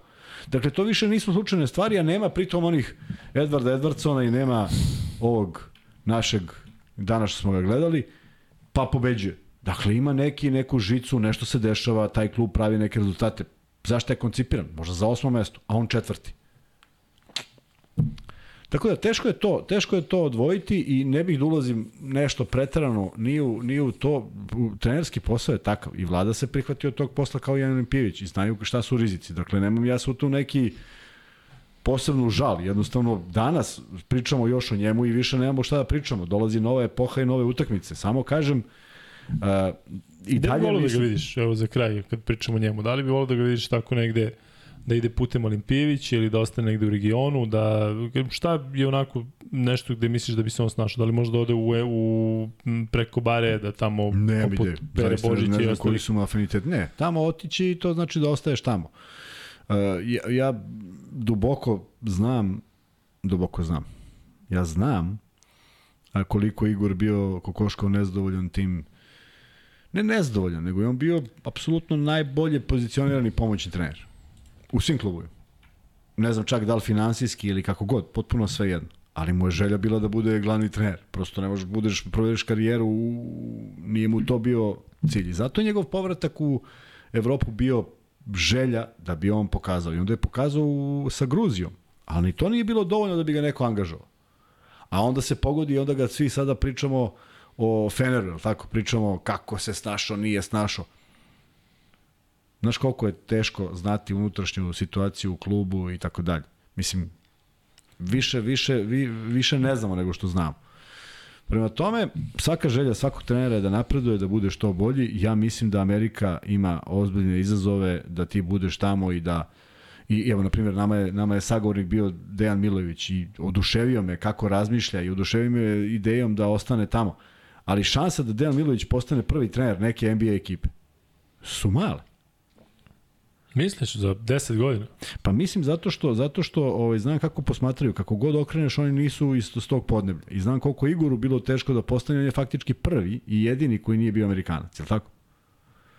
A znam koliko je prolazio i sa kojim trenerima je radio. Dakle, tu postoji neka, neka, ljudi su skeptični po tom pitanju i pitanje, a možda Milo želi da bude to što jeste. Možda njemu sve to funkcioniše. Prema tome, to stvari ambicije, vladine ambicije, ne znam.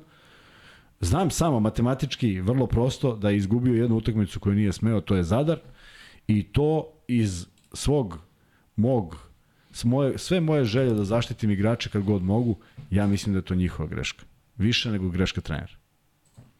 Da jednostavno su misli Luka Božić nije tu, sad mi tu nećemo nešto se pretrano akamo i da su ih ovi uvatili na basketaške fore koji nemaju veze s košarkom, znači oni su igrali 3 na 3 na strani i vrteli, vrteli i ovi ispadali iz odbrane kao iz voza. I, to je, I onda je proradio ponos na minus 20 i Zvezda se vrati na nula. Pa što niste 5 minuta ranije malo odigrali na tom nivou? Pritom, šta misliš da je Vlada nešto rekao, dono neku čudotvornu rečenicu i oni svi počeli. Pa nije, jednostavno su shvatili da ne smije da izgube utakmicu, a to je samo trebalo da bude od prvog minuta, ne od 24. Dobro, e, hajdemo Kuzme još malo po igračima, odnosno o njima. E da, Pol ugasi Vanček. Da vidimo koga ima više. Šta misliš koga ima više Kuzma? 59% zvezdaša, Opa. 34% partizanovaca. Ne znam kako se to ovaj, menja tako. Evo, ima hiljadu i po ljudi u lajvu. Ranije je bilo više partizanovaca, duše vratno ono kada znamo da će biti. Stefan Ćirić nas je postavio da možemo da ispucamo neki free bet i hoćemo li, ja? Ajde. Imaš nešto u glavi, Ma nemaš? E, s obzirom na to da je Duško Ivanović novi trener Crvene zvezde, nabrite tri kluba u kojima ranije radi Duško Ivanović. Radio kao trener. I ko prvi nabravi ta tri kluba, dobit će free bet od 1000 dinara i može da peva. E, mislim da nije teško pitanje i da neće biti potreba neki Google, zato što čovjek zaista radi u velikom broju klubova. Znamo gde je bio najčešće, jedan klub se uvek nameće. Mislim da ne postoji neko ko, ko, ko će ko ovaj, reći ko će da nije taj. taj. I da stavimo mi prvo ovaj top chat u live chat, što i dalje ne znam šta znači, ali dobro. Čuti, samo ga stavi. Baskonija, Bešiktaš, Himki. Može. Može. E, ostao sam dužan... Je to okej, okay, Vanček, jeste. Da, dobro. Dimitrije Dojčinović je odgovorio, odgovorio prvi. Tako da Dimitrije pošalji MaxBet ID na Luka i Kuzma Instagram, gde je Kuzma ti pozovi da nas zaprate, da nas tamo lajkuju story ili DM chatove, kako se to već zove. Ha, ima nešto tako. Nemam pojem. Ne pričaj gluposti. Ima neki DM, u Amerikanci samo DM. Šta je DM? Direct message? Da. Aha, dobro. Dobro. E, a želim ovaj, da se vratim samo na reprezentaciju. Hoćeš nešto o, o Zvezdi? Pa treba prođemo ovde 19 igrača kako igraju danas. Ajde. Nećeš? Ajde. Kuzma neće da priča o Zvezdi. Ajde, hoću, ajde. Ajde ovako, ajde, hoćemo da budemo onako prilično efikasni, ajde. koncizni i precizni. Ajde. Ja ti postavim konkretno pitanje za nekog i ti odgovoriš se. Znači ja ću da malo kao vrdan pitanja. E, Nikola Ivanović, ja smo pričali o njemu, hoćeš njemu da pričamo još? Nećemo, odličan je bio igrač utakmice. Luka Dosa, da 12 poena, 2 skoka, 2 asistencije. Koliko ti skače pritisak na selekciju šuteva Luki Dosa? Ne skače im mnogo. Pa kako ti ranije skako, sad ti ne skače? Ranije mi je skakalo, došlo se, došlo se on time hrani. On se time hrani i nisu to bili moment, to su bili loši momenti izbora šuta. I on se time hrani. On će da zvizne tako nešto, ali će da onda uradi pet dobrih stvari. Tako da mislim da mu je potrebna sloboda ovaj, i da će imati. Idemo dalje, Nemanja Nedović 11 poena, jedan uh, skok, dve asistencije. Najbolji pa kad je bitno. Čekaj, stani, ja ti postavim pitanje, pitanje A, da, je. da malo zaprimo kviz onako. Pa je sad ovo. Da li, da li si zadovoljan da. igrom Nemanja Nedović? A, ne, ne u totalu, ali ono kad je trebalo da. Završnica idealna. Završnica nije idealna, nije od tri Ne, od u smislu tri... da je pogodio onaj šut za ono, šut pogodio, airball, da. fantastičan ulaz. Jest, i uvek tako bi trebalo. I uvek da tako, tako je. Tako je. I nema ko da ga čuva. Nemanja, ako gledaš... znači, Čuj jako gleda, znači. sigurno gleda. e, Luka Mitrović, 8 poena, 8 odlič, skokova, jedna asistencija. Odlično, odlično. Da li misliš da bi napravio onaj faul i da nije bilo na se klupe ideje? Zato što je tačno videlo da, da Luka zna da to treba da bude. Ne, ne, 100%, 100% dogovor, 100% dogovor. Ne, ne, dogovor je bio, ali da, da nije bio dogovor, da su sad pričali, ne znam, evo, i da Pons primi loptu, da li moguće, bi on... Moguće, ali to se ne radi ako nema dogovora s trenerom. Dakle, isti. to ne radiš i on je čovjek koji to vrlo dobro zna. Ben Bentil, 7 poena, 5 skokova, 3 asistencije. Ništa, mora bolje, mora više poena, mora i za, akcija, svaka treća akcija je bila za njega, pet puta je primio loptu ispod koša, pet puta. I sam ono računa kao šut na koš, šta misliš ono kad Ko? zvizneš loptu u obruč kada ga pogodiš? Pa pogodila je obruč, ali nisu prebacili ovaj sekunde za nov napad. Ne, neverovatno da ne može da reši jednostavnije. Zaista neverovatno. I tvrdim da ima strah od ulaza pod koš. Ona kontra je tačno to. Ispala mu lopta, slušaj, ispala lopta. To treba da se digneš i, i svi koji ti skoče na glavu i njih da odneseš gore i da zakucaš. Filip Petrušev, Tako sam ja nekad kad sam imao 2 metra.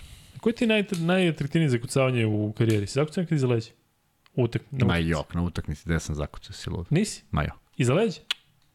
Kako nisi, jesi zakucavao, si pričao da se vata za se. Pa vidi, uh, tvoj drug Kuzma, znači kako Kuzma, kad istrči u kontru i trči sam i cela hala ustane u, u Podgorici i čuje topot iza sebe okrene se vidim žare čabarkapa. Ja je ovako zalepim na kvadrat, a žare preleti pola reketa. I onda meni dođe i kažu, pa što nisi dao koš ili ti ne? Pa kako ja kad je ovo lepše tri puta? Tako da ovaj, nisam, zakucao sam, ali vrlo jednostavno i ne iz nekih kontakt situacija, prosto nisam mogao da nosim nikoga. Nisam baš imao tu masu. A jesi zakucavao iz uh, koraka ili Ne, nisam, nisam mogao iz koraka. Nisi? Osim da se vataš za obruč. Hopa, sećamo se Piva Da, Ivković. da, iz koraka mnogo ma, slabio iz naskoka kako god hoćeš. Zaista kako god Mislim da hoćeš. se sećam jednog tvojeg zakucavanja kada si naskočio u jednom kontaktu. Jesi radio? Da, da, da. U da, jednom da, kontaktu i Da, bum. da, da. I odmah si nešto krenuo u na neke one... Odmah, dole- ne, ja ne slavim, ja to ne proslavljam. Nema ono kao udariš loptu pa nešto... Ne, ne, da krene malo da... Da. Ovaj radi to. E, znaš dakle ovo? Nismo znali šta to znači. Vajan, ti znaš dakle ovo? E, znaš ti? Ma de znam. Znaš ko je John Cena? Neki bokser, MMA, glumac.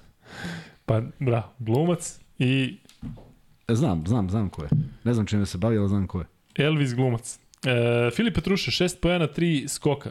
E, Kuzma, šta očekuješ od Još Petruševa jače. pod Ivanovića? Odličan je bio, odličan, ali još A šta jače. očekuješ sa ovakvim trenerom? Da li onda ga, da, da tu jačinu on iz njega izvuče? On mora da izvuče, on, ne, Filip mora da izvuče Sam. i da, sam. I da shvati da će svaki put otići na klupu kad mu igrač onako ode kao što je, kao što je izleteo ko iz puške kad je bilo ono utrčavanje i bilo je samo pup i valjda treba mu bude jasno da to niko neće tolerisati. A tu je vlada napravio, ajde da kažemo grešku, on je mislio da će ovaj razumeti, a on neće razumeti dok ne oseti. Tako da, odlično je igrao, još čvršće može, fantastično se kretao ka košu u par navrata, jednom je promašio, ako se sećaš, neki šut koji ne sme da promaši, prosto mora da ga da, ali je drugi put bilo mnogo čvršće i uopšte odigrao jednu vrlo čvrstu utakmicu, iako si primetio, i svi kad dobije loptu da je prenese, kako lopta sad stoji, kako su laktovi u visini glave, pa da vidiš kako će neko da mu izbije loptu, tako da naučio neke stvari i to je odlično. E, Vanček, stavi pol da vidimo da li su ljudi zadovoljni e, dovođenjem Duške Ivanovića u Crnu zvezdu. Baš me zanima. Stavi bukvalno da li šta god, mislite da će Duško Ivanović, da li, ste, do, da li ste zadovoljni dolaskom Duška Ivanovića na mesto trenera Crne zvezde, da ili ne? E, biće zanimljivo kako grobar odgovori. E, Kuzma, sledeći igrač je Ognjen Dobrić. Koliko još treba imati strpljenja za Mora Ognjena Dobrića? strpljenja, mora. Beskonačna energija, uvek će uraditi nešto što valja. E, smeta mi što ne uči iz svojih grešaka, smeta mi kada napravi onaj glupi faul za reprezentaciju koji, Uf, ono je koji je danas uradio Risašer ili Rašer ili kako god. Da, dečko ima 17 godina. Ali dečko ima on 17 treba to godina, da upravo to, i on to neće ponoviti. Tako da Dobrić može apsolutno, ali samo da prestane da se nervira. On toliko stresno doživljava ovu utakmicu, kao da, kao da je pitanje života i smrti, kao da je stalno neki gol u posljednjim sekundama.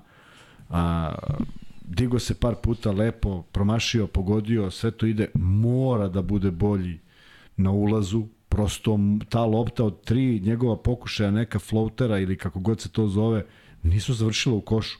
A man čovječ izbaci kako god, baš me briga, samo neka, neka, neka se neko trlja više na obruču. A šta je sa šutem Dobrića Kuzma? Pa malo, malo do samopouzdanja, verovatno. Znaš, on je otvorio opet i dao prvu trojku, pa onda promašio, To promašio i to je, pa to je, Je, mora da se vidim vrati. kako mu se odbiju lopte, nisu Da. to, nije to, ne izlazi to iz obruča, Da, onako da, da, da, jednostavno... nekako. Možda, možda treba malo više da radi, možda šta god, možda, možda je glava samo u pitanju, ali ja verujem i verujem zaista u njega da će doći na svoje. I vrlo je bitan za ovu ekipu da dođe na svoje. Ognjen Kuzmić, 4 poena, 1 skok. Odlično. Da li bi Ognjena Kuzmića stavljao u petorku na svakom meču Euroligi kao ne, prošle godine? Ne, ne. uopšte ne moram, ne, uopšte ne moram na svakom meču Euroligi. Mislim, zavisi naravno od protivničke petorke od ovog svega, ali e, neko mi deluje da on nekako, meni se dopada to što on nametne nekako tu sigurnost u reketu, nametne neku svoj ritam i jednostavno posle ako bude potrebno još da ovo, to mi se dopada zato što na početku s Kuzmićem meni deluje petorka zvezda onako prilično sigurno. Tako je, I, i, da ti kažem jednu stvar, tu ima veliki broj igrača koji slični ovom Jacksonu, koji moraju da pomere, da pomere izbačaj. Ali on kad vidiš frizuru i boju Ne, ne, kose... naježiš se, naježiš se momentalno. I ovaj, e, e, prosto par puta kad na ulazi kad je Kuzmić od koša, on traži neki neki drugi drugi izbačaj i to više nije to u što je on siguran. Tako da Kuzmić zna da smeta. Kuzmić ima svoje nedostatke, ali tu borbenost, e, tu želju i u krajnjem slučaju to što je uradio danas za vrlo malo minuta, nije on mnogo igrao. Je li tako? 10, 12? E, 11. Pa eto. E, je, Eto, je ti iznenadilo što je Stefan Marković igrao 3,5 minuta, Jeste, ali ne znamo da li ima neki povredik. jeste, ne znamo ništa, vidjet ćemo. Da. E, Branko Lazić, 20 minuta bez poena. Je to Bez si vidio nešto drugačije u odnosu na period kod ne, Ivanovića? Ne, ništa, sve okej, isto. E, John Holland i Hasan Martin. E, to Obojice su- to danas su mali dva problemi. poena. Da li njih vidiš, e, ne mogu da kažem da su na izlaznim vratima, ali ako bude neki promena da je jedan od njih dvojice prvi taj koji će da... Lepa izjava, lepa izjava Ivanović, on veruje da treba dati podršku igračima i izvući Kako ne, naravno, ali E. ako govorimo o nekim promenama, ja ne vidim ko, ko bi mogao da bude... Ne, ne, nemam, to već nemam ideju, ali vraćam se na ono što, što, volim, što želim da kažem, to je da smo mi čekali igrača da se vrati. Ali imaš tačno jedan, jedan moment kad, kad više ne možeš da se čeka. E sad, ja sam želeo da vidim Holanda u nekom drugom izdanju. Ali on toliko teško trči. On toliko čudno trči. Majke mi, evo, pogledaj kako trči. Pa daj da ga naučimo trči. Pa ne, evo, uzmi, uzmi, gledaj kako Holland trči, gledaj kako Nedović trči. Ili Vildosa. Ovi bre lebde, onako, ne dodiruju, ne dodiruju pod, onako. A ovaj... I nikako sam. Kako, on trči? Jel bio kada na njemu, nije?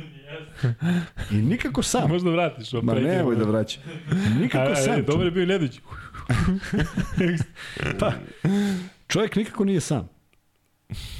Pa dobro, ako ne može da trči, onda teško da može da Pa, se... ej, ej, neki ej, drugi znaš, znaš, ima je sad, ok, ja sad idem, ne mogu da znam kako je sad na terenu i možda ja lupetam.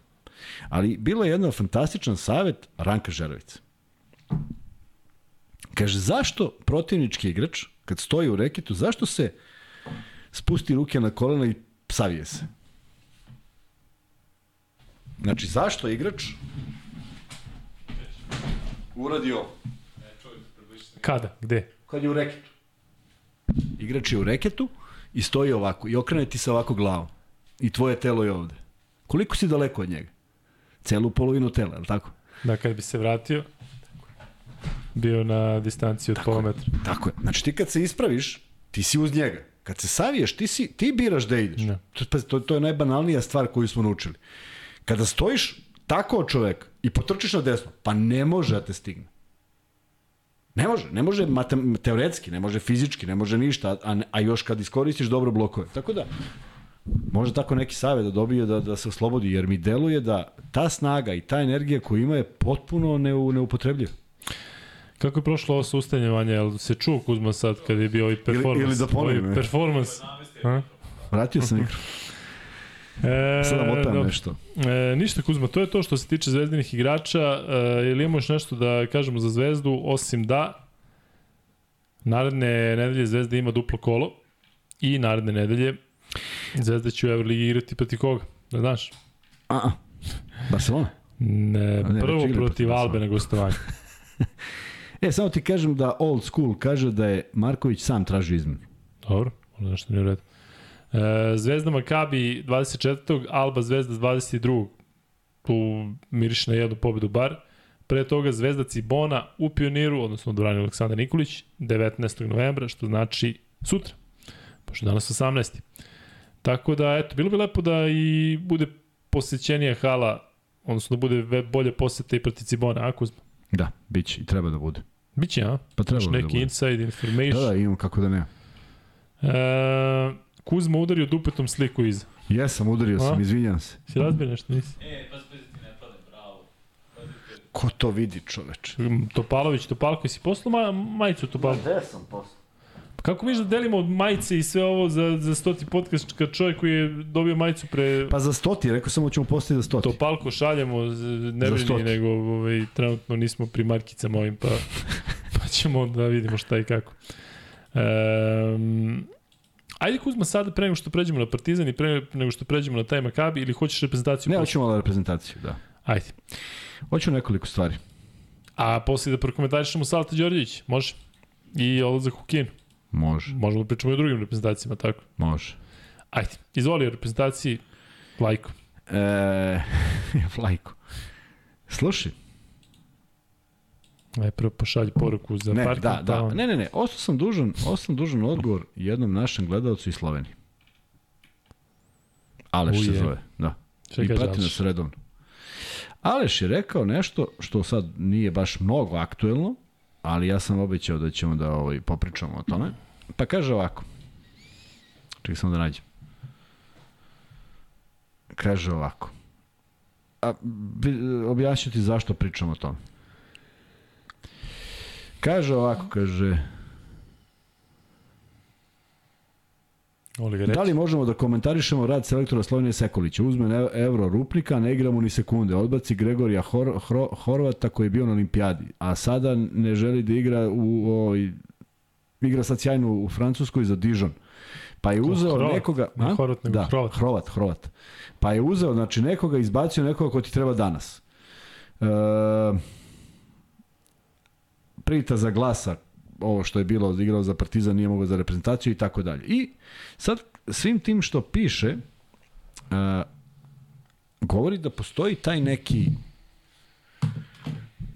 nedostatak neke mudrosti u svemu tome. Dakle, toliko, su, toliko je teško gledati unapred kad su ovi prozori, ali zatvoriti vrata nekom igraču izgleda da je postalo nekako, nekako najnormalnije, ne samo ovo ovo što se desilo s Teodosićem i otpisivanjem, neotpisivanjem i čime god, nego jednostavno kao da nije prepoznata situacija u kojoj se svi nalaze i da nema baš ni Slovenija, ni Srbija, nema baš mnogo igrača da ti sad možeš nekoga da otpišeš na ovaj na onaj način. I svedoci smo toga da ko se bolje snađe u svemu ovome, a evo vidiš, ima primjera da nismo usamljeni u tim nekim odlukama i ja duboko verujem, ja duboko verujem da je Andjušić bio sa reprezentacijom zašto je Željko Bradović u Partizanu i zašto je Andjušić u Partizanu. Znači to to mi se poklapa toliko logično da je bio bilo gde drugde pitanje kako bi izgledalo, dobro je što je otišao, dobro je ispalo sve. A za nije to Kuzma normalna stvar? Nije normalno, ne, na Ali u način... smislu, Đorđević e, nije zvao Nedović i Kalinić u trenutku kada smo svi mislili da će biti tu. E, Đorđević je stavio Jokića na klupu u trenutku kada je ovaj bio možda ne na nivou danas. Ali za nisu to recimo trenerske odluke koje svi treba da poštujemo? Nisu zato što te jedna, samo je vrlo prosta razlika. Jedna je evropsko prvenstvo, druga je prozor. Dakle, ako bi Sale Đorđević otpisao iz obje, objektivnih razloga nekoga s prozora, to je okej. Okay. A za sledeće možda konkurišeš ili ne možeš. Ali ako te obriše tri puta sa nekog prvenstva, a stalno te zove na prozore, onda nešto nije u redu. Ili nisam dovoljno dobar, a ja smatram da jesam, ili nešto drugo nije u redu, pa ti malo zlopotrebljavaš svoju poziciju. Tako da, teško je dopreti do toga, znaš, i do neke ljudske ovaj, i sujete i svega što svaki igrač mora da ima da bi uopšte bio igrač. Prema tome, e, meni je drago što se sve završilo kako se završilo, ali ima ovih momenata po reprezentacijama koji su jako čudni, a mislim da tu negde pravimo greške s obzirom da mi deluje da ostale reprezentacije nekako i u tom smislu odlaze korak ispred. Što se same reprezentacije tiče, vraćam se čak na utakmicu protiv Britanije. I kada sam, kad god pričamo o uh, sad mi mozak. Boris Šimaniću, st- si video ona dva rolinga u reketu kad napravi rolling i ode od čoveka 3 metra? Zamisli kako bi to bilo divno da ti usavršiš taj jedan potez, ne, ne više poteza, samo jedan. I kad napraviš taj rolling da shvatiš da, se, da, se, da su svi, da nema više nikoga oko tebe. I on dva puta promaši. Jer to je bio instinkt, to nije bio proizvod e, nečeg uigranog, neke vežbe, ali eto koliko, koliko on prostora za napredak, koliko, pro, koliko talenta ima kad to uradi, to izgleda zaista kao što je Nedović danas uradio, kad se okrenuo. Sad zamisli kad to uradi čovjek sa rasponom ruku 4 metra. I mnogo mi je drago što je on eksplodirao na utakmici protiv uh, Britanije i ja uopšte ne omalovažavam Britaniju i mislim da je to bila neka lagana utakmica. Ozbiljno smo trebali da se potrudimo da da je pobedimo, tako da svaki sav, sav respekt za sve igrače koji su učestvovali i time sam želeo i da zaokružim celu tu priču, da mi je drago da je ta utakmica pobeđena, E, malo smo se dotakli toga, da nas sad čeka stvarno Da, priča je palja malo Jeste, o tome. da nas svemu. čeka ipak ta jedna utakmica koja mora da se dobije. Ja bih volio da pobedimo i Grke, čisto reda radi. I da ne odemo nikako u Grčku sa idejom da malo tamo nešto gledamo, nego da pobedimo. Ali do tog perioda ima dovoljno vremena. Samo ne praviti greške u koracima i jednostavno izvući neke pouke iz svega ovoga što nam se dešavalo. Nemamo mnogo igrača koji možemo da se odreknemo. I ne treba da ih se odričemo na neki način koji nije primeren nekim imenima kao što je Teodosić, ja mislim da je čovjek zaslužio makar oproštenu utakmicu posle svega. Kad to da u kombinuješ? Ko? Zašto? Malo, malo, malo neobično. Ipak mislim da je neko ko je ostavio trag. Sve možeš da objasniš i zašto ne valja i zašto se ne uklapa i sve to možemo prihvatiti i kažemo verujemo selektoru, sve u redu, ali mora postoji neki način lepše, lepše, lepši smo, lepši smo pred svetom. Ali recimo kada je 2005. Obradović je birao sve i izabrao ih sve i bilo onoliko klanova i onoliko problema u timu, za nije tad bilo bolje da jednog katira ili dvojcu? Bilo je, bilo je bolje. Je tako? Bilo je bolje. Ono, ono Željko Obradović što je pričao na kraju je sve tako. Ja uopšte ne smijem da je bilo tako. Ali nije smeo dozvoliti da bude tako. A on je išao, išao ovom logikom, pa valjda im je jasno gde se nalaze, ali nije im bilo jasno. Da, Vanja, možda ugasiš ovaj pol e, i Kuzma, mi možemo da e, pre nego što pređemo na Partizan, prokomentarišemo današnje mečeve, a na dolu FS Barcelona 96-86, ovde pričaju kako je Kalinić postao u slačionicu, si to video? Nisam video, imam sliku, A, sam vidio samo zašto? neku... Ne. Dobro, ja mislim da su to stvari koje, koje ne moraju ništa da znači. Sećamo se koliko je Bjelica išao u slačionicu kod, kod Željka, da se dešavalo ovaj, da idu ljudi poput Majka Jamesa i samostalnu slačionicu. Dešava se, tako da I kad ga verujem niko ne strašno. 96-86 je dobio Efes. E, Zvezda, Asvel, to znate. Bayern Olimpijakos 71-82. Olimpijakos koji ima plus 16 nakon prve četvrtine i Bayern koji je zaista u fazi e, raspada. E, Meni ono što je zasmetalo kad sam gledao taj meč na kraju, nešto prepirka, baš obratite pažnju ako ste gledali, ili ako ćete gledati Trinkieri i Barcokas, potpuno bespotrebno. Ne znam čak ni E, šta se desilo? svađali. To mi je neko napisao, Ne, što da. su se svađali. Ali ovaj, e, treba biti veliki u porazu, mislim. Ne znam šta je tu moglo da zasmeta Trinkieri. Trenutno čini mi se da nije baš najsretniji kako mu Bayern izgleda i naravno nije najsretniji što su posljednji na tabeli, ali e, pritom ono, apsolutno ne podržavam Barcokasa i baš bi bilo neprijatno gledati ih onako. Virtus Valencia 89-59 Kuzma e, i Real Madrid Alba 90-72. Neobični rezultati. Ovo ću, kako neobično, što neobično. Meni sad sve dolazi na svoje. Meni Valencija i Alba, ono što su radili na početku sezone, šta je, da Alba, neće da, možda uđe- Alba, Alba ne mislim da će da će trajati, ali Virtus je ipak neočekano pobedio Valenciju. Pa da, ali Virtus ima veći domet i ja mislim veći bolji igrač u odnosu na, na ovo. Pa. Valencija imala u jednom trutku 5.35 za 3. Ja mislim da je recimo, dajem primjer sada kod Duška Ivanovića, Željko Bradovića, Svetislava Pešća, kod tih starih Kajli, za koje mislim da treba da imamo da budemo ono i privilegovani što su još tu i što vode, ali nemoguće da šutneš 5 od 35. Zato što će ovaj na, na 3.17 da ti kaže, alo, A, Majmune. jeste, ali ako si umoran kao, ali ako si nenormalno umoran, džaba je majmune, jer on će da kaže ja ne mogu. I možda dobiješ ekipu u kojoj nema snage, pa i linije manjeg otpora da šutnem tri. Mnogo je teže proći do kraja. Mnogo teže. Ti i ja možemo šutnemo trojku sada u nekom momentu. Da prođemo do kraja, čuj sa da četiri prelom. pogodim. Pa, to može, šut. pogodili bi obruč. Da. Ovaj, Real Alba, Alba jako loša. Vidim da se tu forsiraju neki mladi igrači, ima tu neki Da, zanimljivih da, imena, sve to okej, neki. ali mislim, kažem da sve dolazi na svoje. Mislim i da Makabi neće trajati dugo, dakle oni su krenuli dobro, koliko već 4-1. I da man da pređemo na Partizan, dakle, e, Kuzma, Partizan Makabi. Situacija, pritom je to meč koji zatvara ovo e, osmo kolo. čoveče. Ajde, Smajlagić igra. pa što mi da je ekskluziva, to sam No, ja pa nemam znao. pojma, a znao si. Kako, šta Nisi si znao? znao. Pa ja sam znao to od ponedjeljka. E, ja sam. Su od nedelje. Od nedelje. Nedelje.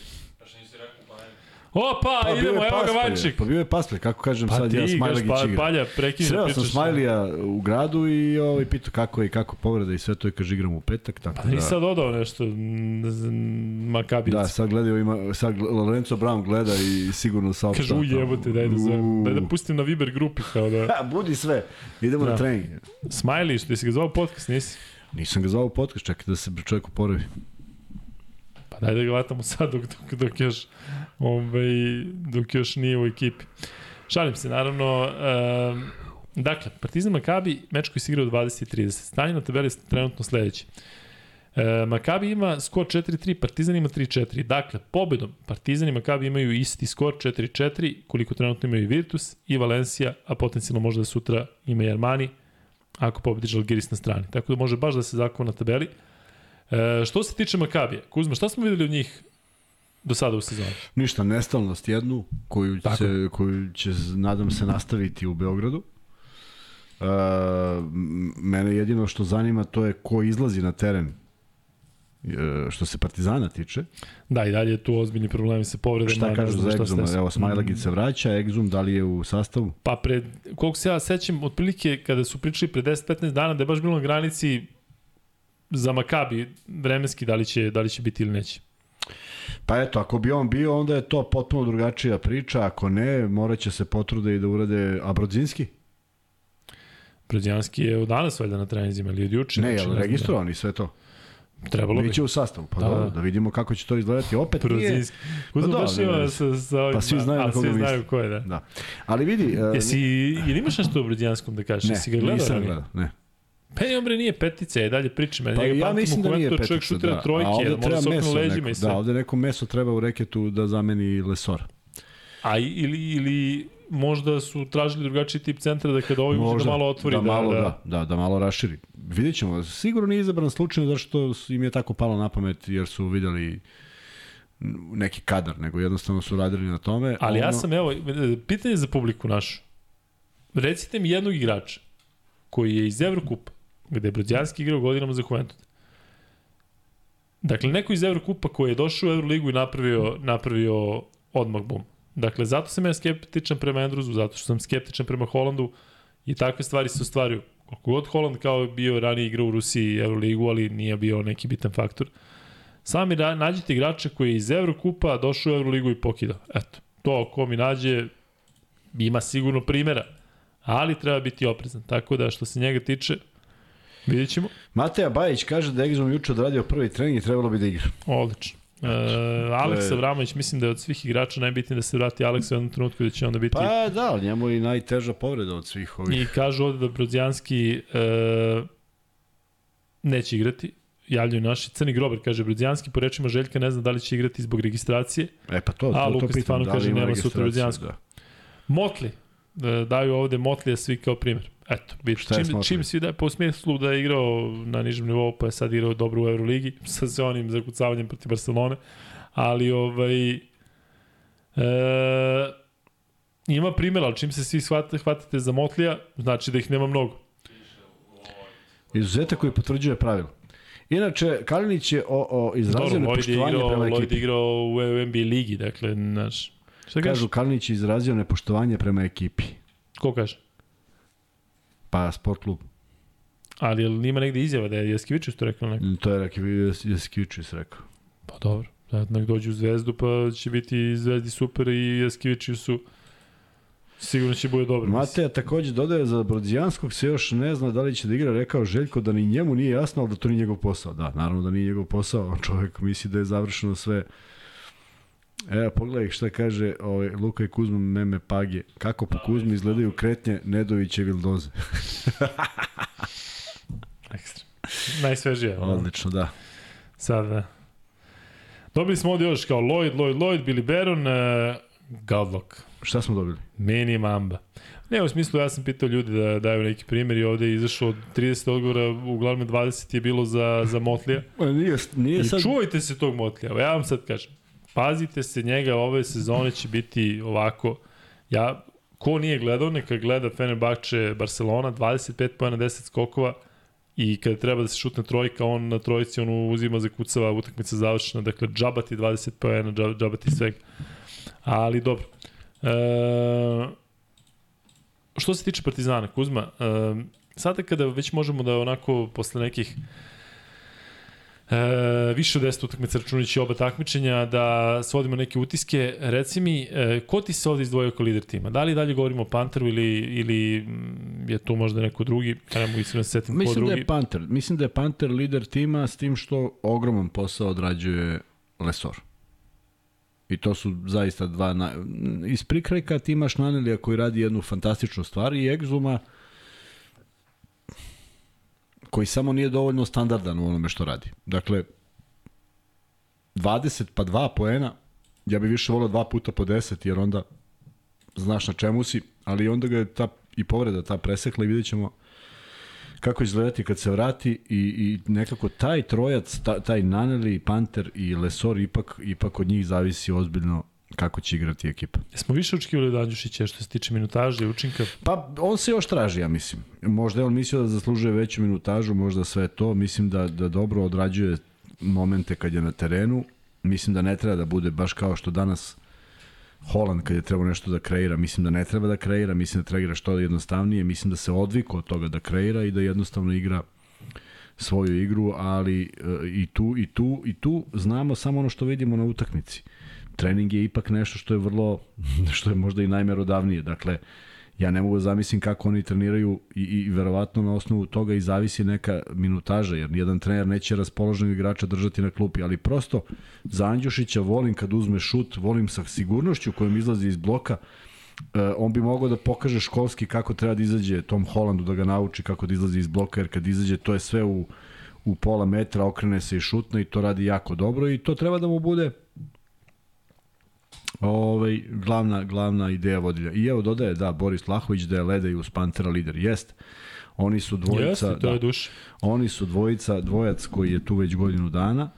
E, Oni su ranije igli dve sezone u igrali Armaniju, su su i čini je, se najbolji tako drugari, su tako je. potpuno drugačiji. Bio Tako neki, ima neki kratak filmić, e, Euroliga je pustila o njima, koji se meni jako dopada. Ako niste pogledali, pro, pokušajte da nađete, to uglavnom ide u polovremenima Euroligije, dakle kao neki onako um, intervju sa obojicom i zaista između njih postoji neverovatna hemija koja se vidi na terenu. A ono što se meni dopada i što sam čuo, i to je izgovorio Kevin Panter, ne znam kako je vaše mišljenje o tome, a možete da pričate ovde, Dakle, Kevin Panter je tu izgovorio da je on došao na Partizana duže i da je došao da osvoji Euroligu.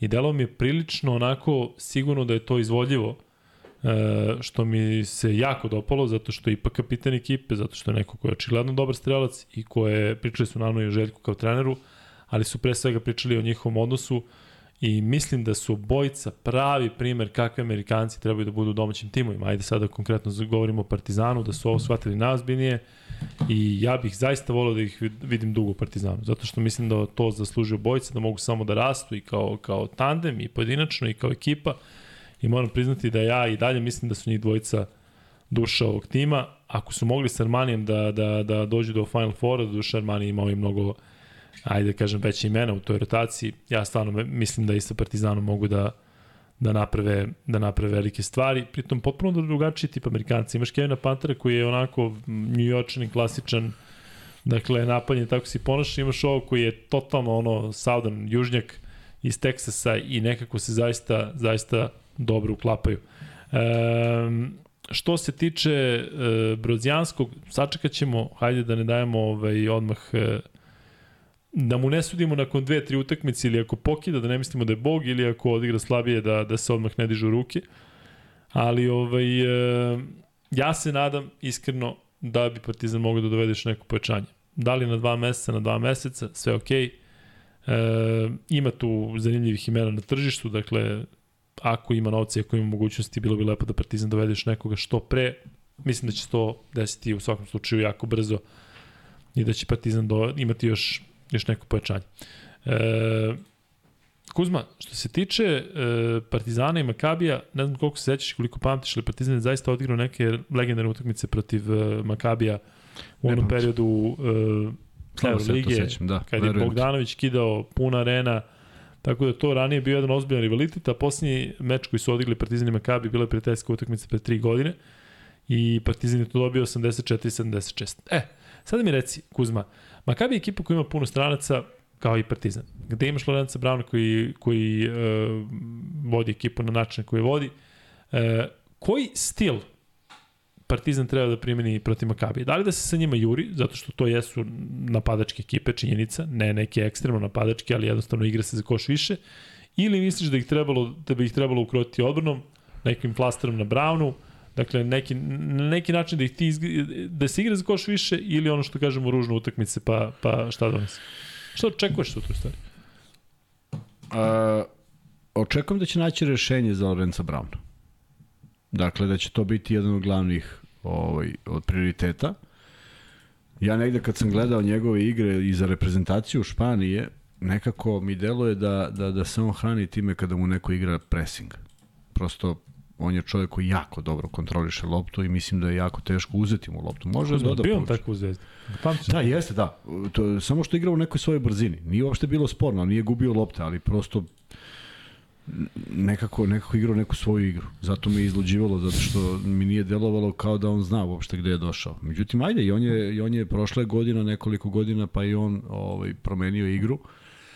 I ono što bi mu ja kao, ajde, neko ko, ko, ko sad može malo da se igra time, sigurno bi ga pustio da šutira, ali mu ne bi dozvolio da me unosi u reket svojim, svojim driblingom. Majstor je u tome i on se hrani tim poenima iz reketa sa, sa okrene sa oko noge i floater ili bilo šta. Jednostavno pustio bi dugu dvojku, pustio bi trojku i neka mi to bude rizik ako već mora da bude, ali da, da, da igram pressing u kojem će on svakako da me ubaci u, u reket, to bih pokušao da izbegnem. Naravno, verujem da Obradović ima mnogo više ideja od mene i da će nešto uraditi po tom pitanju, ali da jeste to glavni fokus da Lorenzo Brown nema loptu. Dakle, da on ne može da asistira, da ne može da pogađa, nego da se u ranoj fazi napada oslobodi lopte, ako je to moguće, to je već potpuno drugačija situacija za napad Makabija. Deo Crni Grobar kaže, seća se meča iz 2010. Ja mislim da pamtim isto, bilo zaista protiv Makabija nekoliko antologijskih mečeva. Čini mi se više u Reni nego u Pioniru, ali ovaj, svejedno, što se tiče ove utakmice sutra, mislim da, odnosno reci mi ti, šta misliš? Da li može da bude bitan faktor to što Željko Bradović jako dobro pa, pozna ovde da Kateša i bio moj trener u Panatenikosu? Koliko te stvari utiču recimo na danas? Ne, ne. Ne, Ali... U smislu da ga čak i ovaj gleda kao je moj bivši trener. Da može da ga gleda, može da naš- gleda i gleda šta radi, ali ja, ja prosto ovaj, mislim da Maccabi Gaj je jedan stil igre koji traje već decenijama i nema tu sad nekih novina, niti će Odet Kataš sad dubaci u neku treću brzinu i koji igraju pozicijoni napad, pa ne bi doveli to što su doveli da hoće tako nešto. Tako da, vrlo promenjivo i neću zaboraviti, ja ti pamtiš te utakmice, ja ne, ne, zaista ne pamtim toliko daleko, ne zato što su utakmice protiv Partizana, nego naprotiv jednostavno nemam takva sećanja nekako meni su se u životu utakmice smenjivale ko na traci svoje mogu da zapamtim neke, ali ovo što se dešava van vrlo redko. Ali se sećam one utakmice gde je Billy Baron imao šut za 3 za pobedu i onda je Zvezda izgubila produžetke pribivši 24 poena u produžetku. A prvo polovreme je delovalo samo moliš Boga da se završi utakmica i, i da ne gledaš ono više.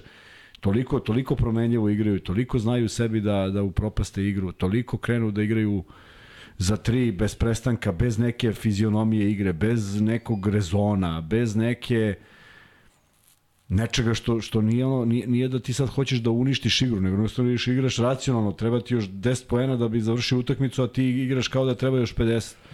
Tako da ovaj, skloni su tome i, i ako Partizan, što, što širi sastav Partizan bude imao i ako budu ili Brodzijanski i Egzum, svakako da će Partizan biti favorit u toj utakmici i Ovaj, ne vidim da je tu neka velika sila u, u, u Makabiju sa svim tim igračima sklopljeni na taj način još uvek ja mislim da oni stoje dobro, a mislim da su jednu utakmicu potpuno preživeli samo zahvaljujući ludilu Monaka koji je imao 20 pojena prednosti u prvom polovremenu pa uspeo sve to da prokocka na prilično sličan način.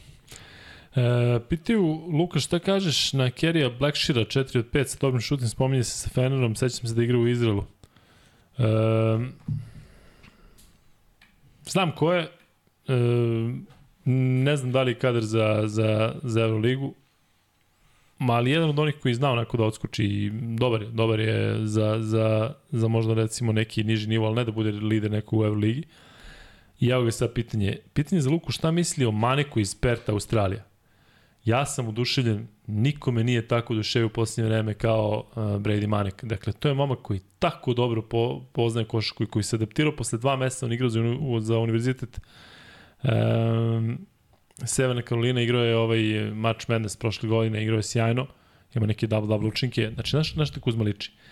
Duga brada, kosa onako duga, ne deluje onako ramena uh, uh, polugrbav, ali takav šut, takva mekoća igre, tako se lepo kreće. Toliko bi volio da tog čoveka vidim u, u Partizanu, da ga generalno vidim u našoj košaci sa naravno zadrškom da ovaj da da ne bi bio ne znam šta, ali oduševljen sam. Pritom pet ekipa koja je najdivlja ekipa na svetu, imate Bryce Kotona koji šutira po 15 trojki po meču.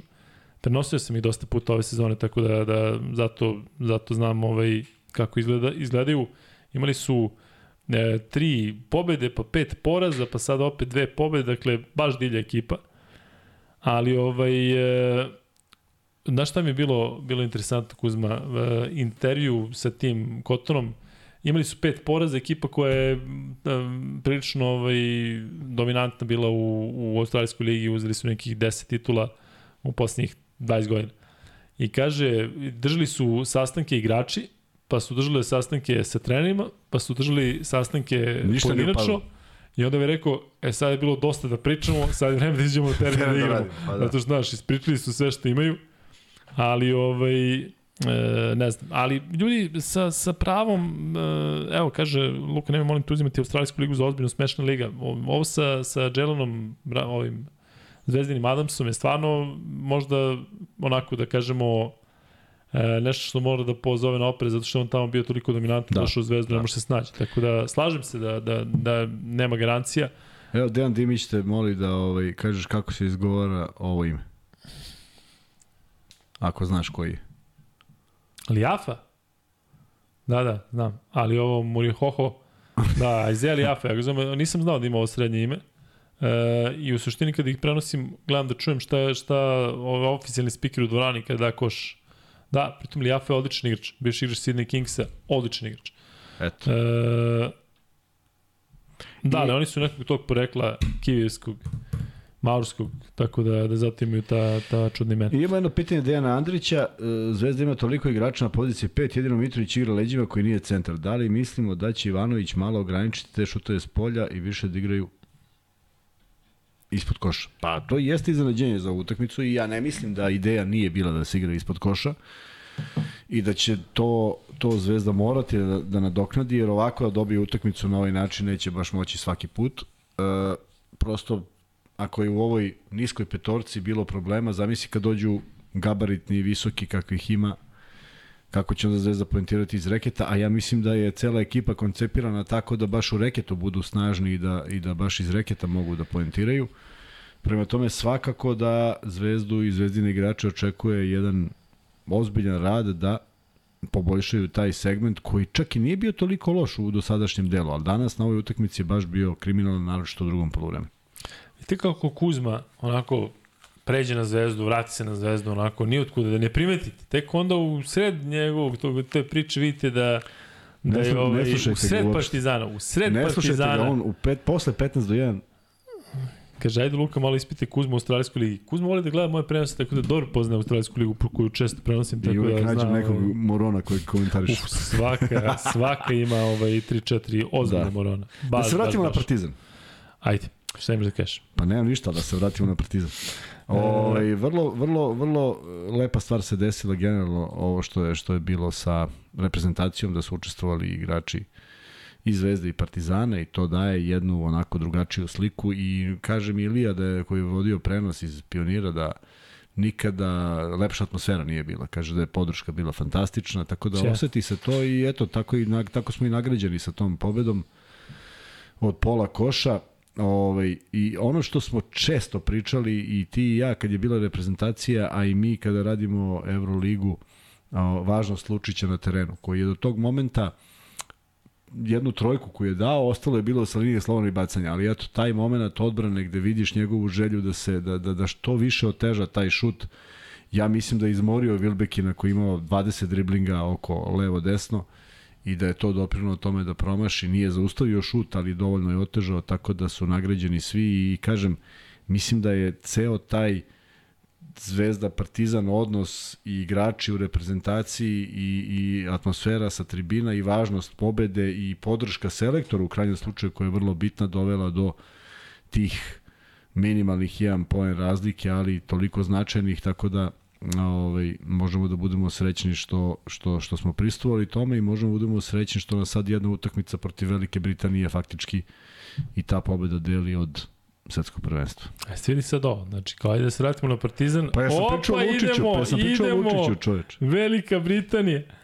Pa ja se... E, Hoćeš da pričam malo o, o rumunskoj ligi, ja? O Radea i o i ostali. Hoćeš pitaš ti da pričam. Pitaš. Ove, Kuzma, sve to pada u vodu, da ti kažem ja, sad kad krene ovaj derbi i Zvezda Partizan, dakle, sva ta dobra atmosfera i sve, znaš ti koliko će, ko će to klanje da bude? Ma, ko je Pa klanje? ovde- ovde Biće, jedino ćemo mi- jedino ćemo mi- praznik za oči, košarkaški praznik. Jedino ću mi ovde da pozivamo na mir i na Ovaj, vidiš kako se dobro ljudi slažu. Ovde se ljudi, znaš, ima par prozivki ovako, ali Ne, ja mislim ja da... imamo careve ovaj, ovde. ja Ja mislim da, da, uz par trola, trolovanja, da, ali, ali ja to mislim da, odlično. da, da ovaj, moramo malo da, da olabavimo po tom pitanju. Ali mislim da je ulog veći nego ikada. Koji? Kako koji? Evroliga, dakle, Ma potencijalno, jo, ma to potencijalno pobedu u Evroligi mogu da ti znače, Ma, ne znam to šta. će se zaboraviti. ABA liga kasnije, Ma kakvi? kada ABA bude... liga, pa ABA liga će opet biti prioritet, Da. kao što je uvek prioritet. Um, bit će prioritet. A pazi, kao ideš ABA liga da bi igrao Euroligu, a sad si u Euroligi, mislim, pa zar ne treba da bude potpuno Sve u krug, Euroligi? sve u krug i sve sumanuto. Da.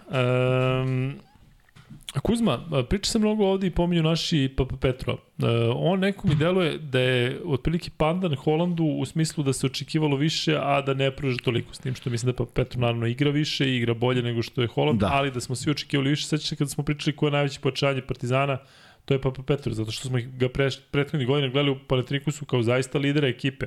Ne toliko funkcionalne ekipe, ali jednostavno neko ko je bio u stanju da da statistički dominira. Imaš pozdrav da- da... Snežnog Stokholma, Od koga? Dejan Tiganj.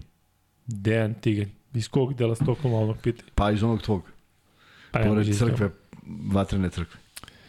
Um, Luka, šta kažeš na to što se Šaras zaključio fizički sa pomoćnikom Atamana posle utakmice, čak i Ataman uh, na presu svašta izrekao na račun Šarasa, ma, obojica su svoji, ne volim ih ni jednog ni drugog, moram priznati. Pa ne nazbilje, Atamana ne možeš da voliš, a Jaskevičius uh, sa tom njegovom energijom, a bez rezultata, nekako mi se to ne uklapa, da bi imao tu Željko nervozan je. Bradovićevsku Da, cr crvenilu energiju, Da. A moraš da uradiš nešto, ne da ti On je sad budeš nervozan sad, sad, svaka ta pobeda, ovaj, svaki taj poraz znači mnogo, znaš. A pritom je on bio nervozan i ranije, dakle on nervozu... On je bio nervozan, da- ali je mislio da će sprovesti to u delo, jer ba, ba, bu, i dođe taj Final Four i ništa od toga.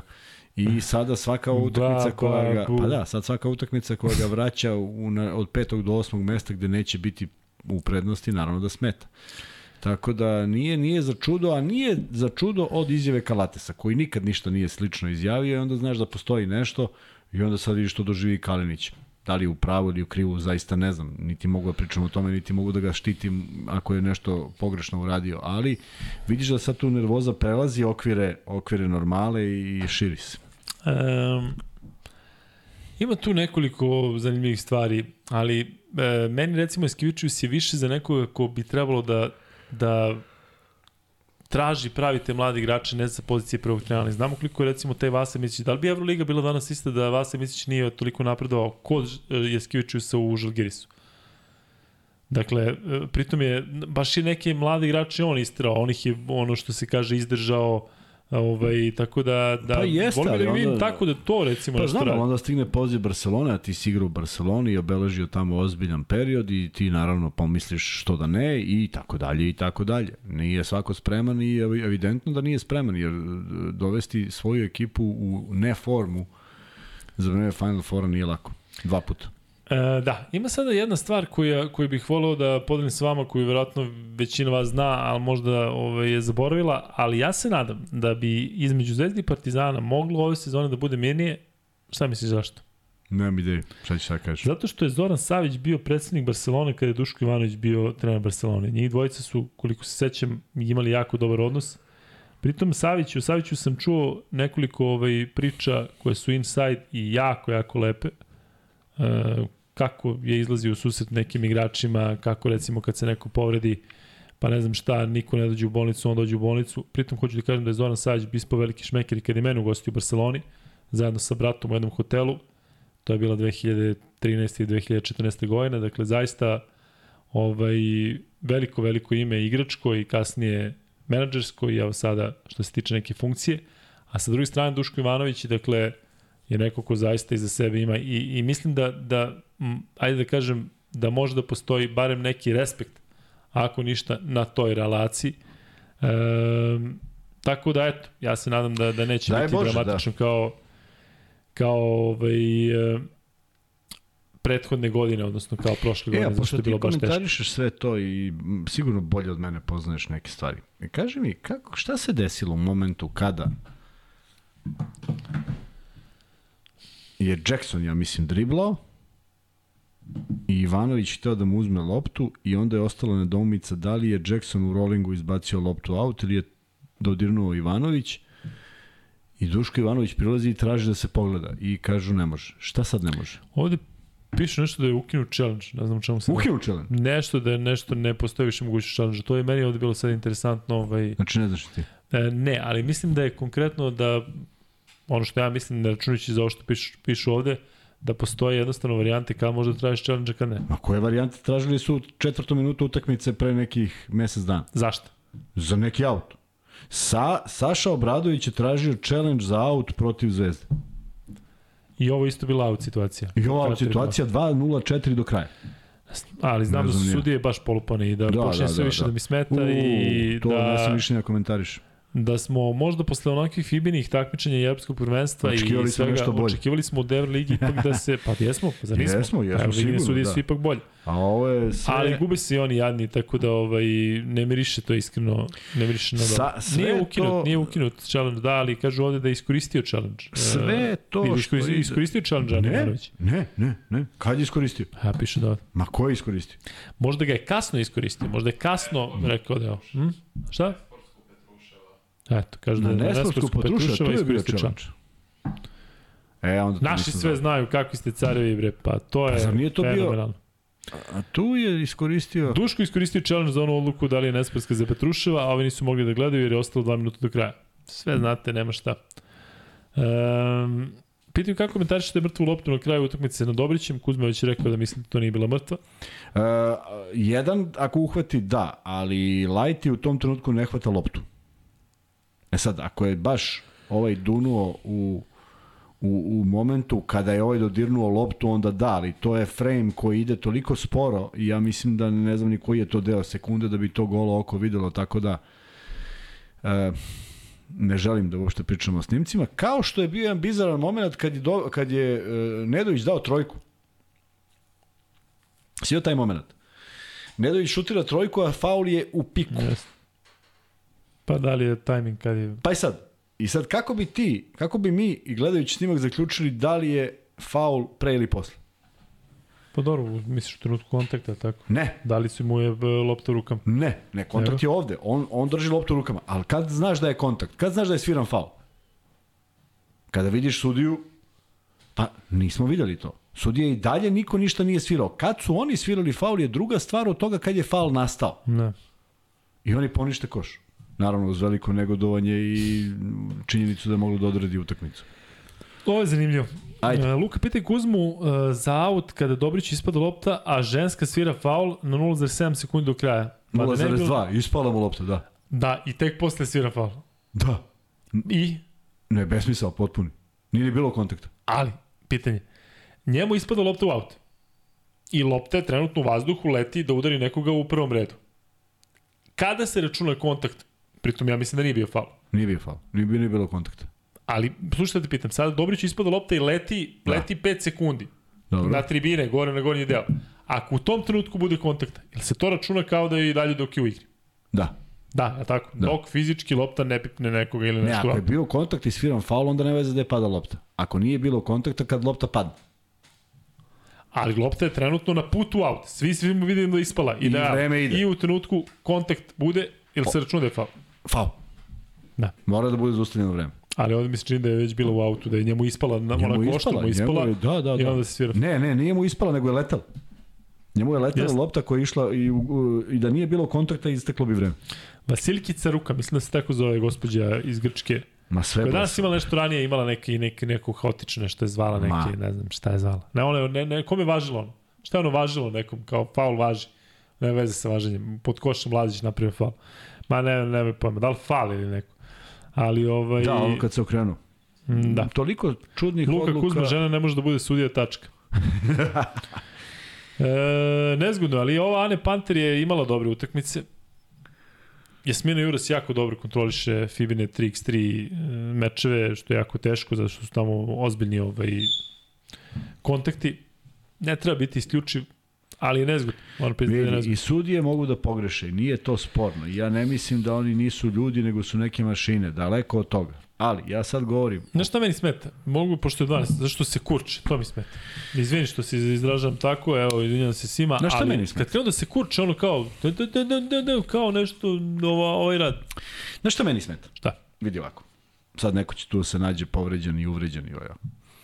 Znači, ja mislim da košarka postoji tako što izađu pet igrača na teren i pet igrača u drugim dresovima na teren i postoji jedan čovjek koji se zove trener i ništa više ne treba da bi se igrala košarka.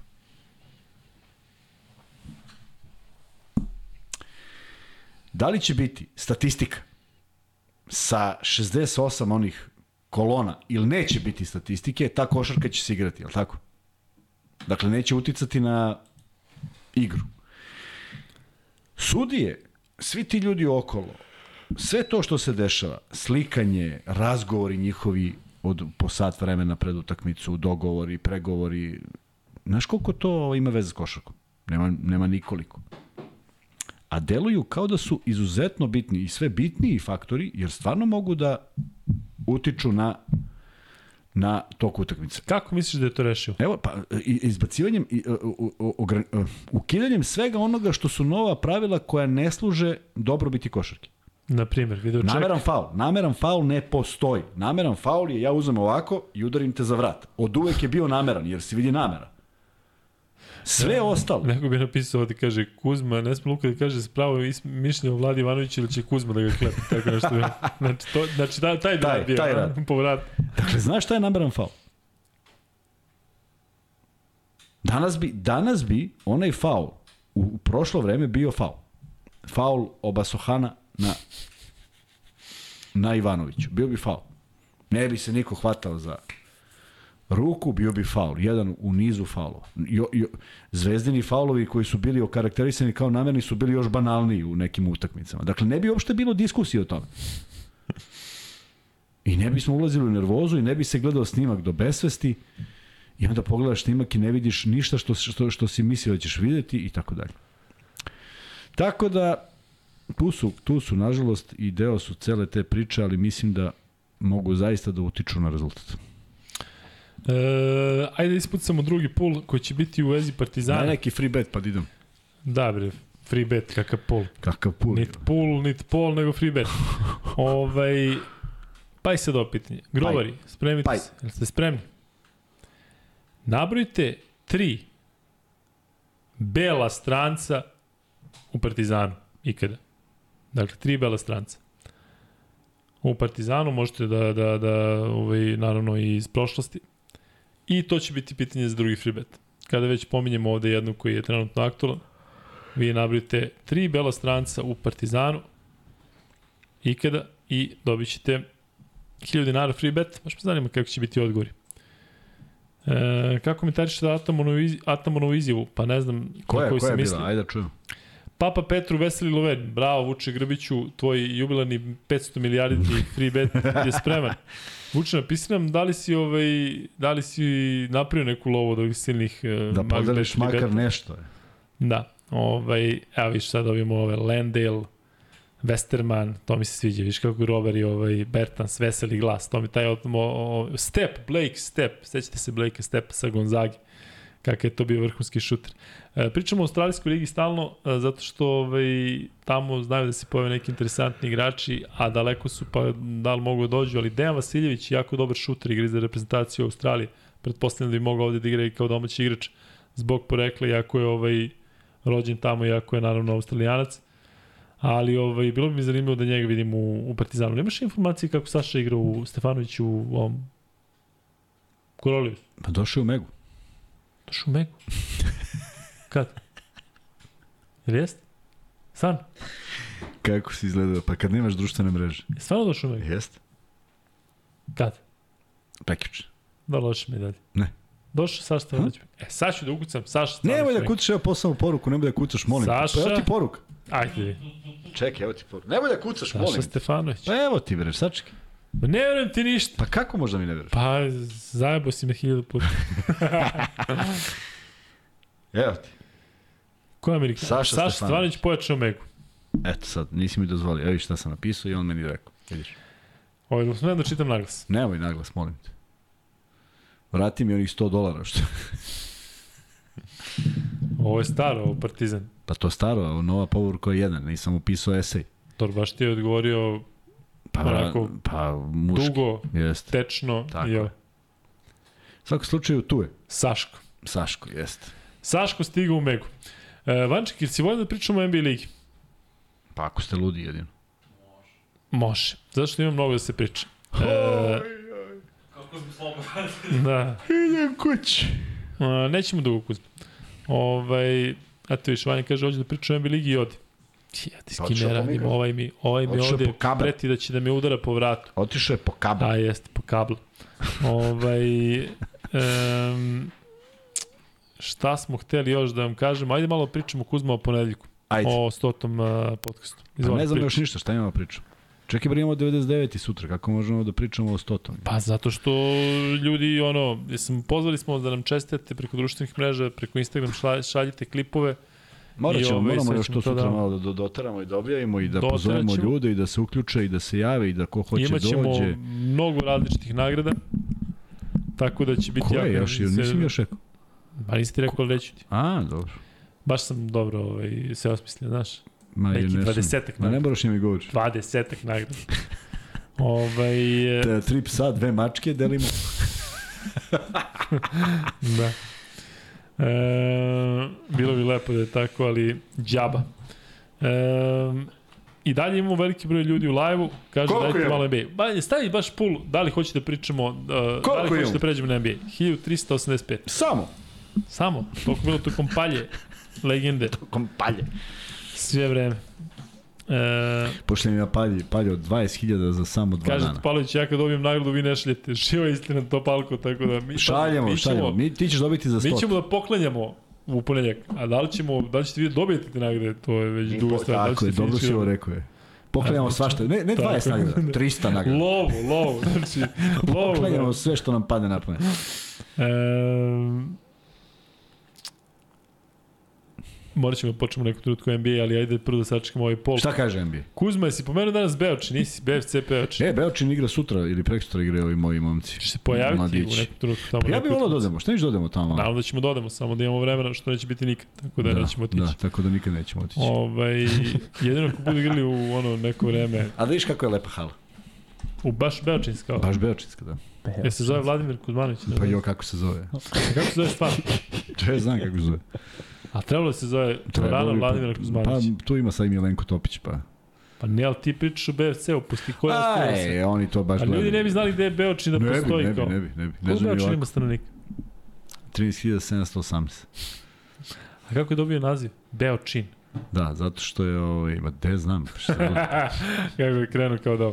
Vanja, gasi, gasi ove ponićare pa da krenemo na NBA. A možeš da staviš ovaj... da li će uopšte da gledaju NBA? Aj sad, da vidimo. Pa Pol, imamo, šta imamo kaže? mali, mali broj gla, glasova. Koliko? A, Pet. o, 124. Pa zato je, vidiš koliko je glasalo.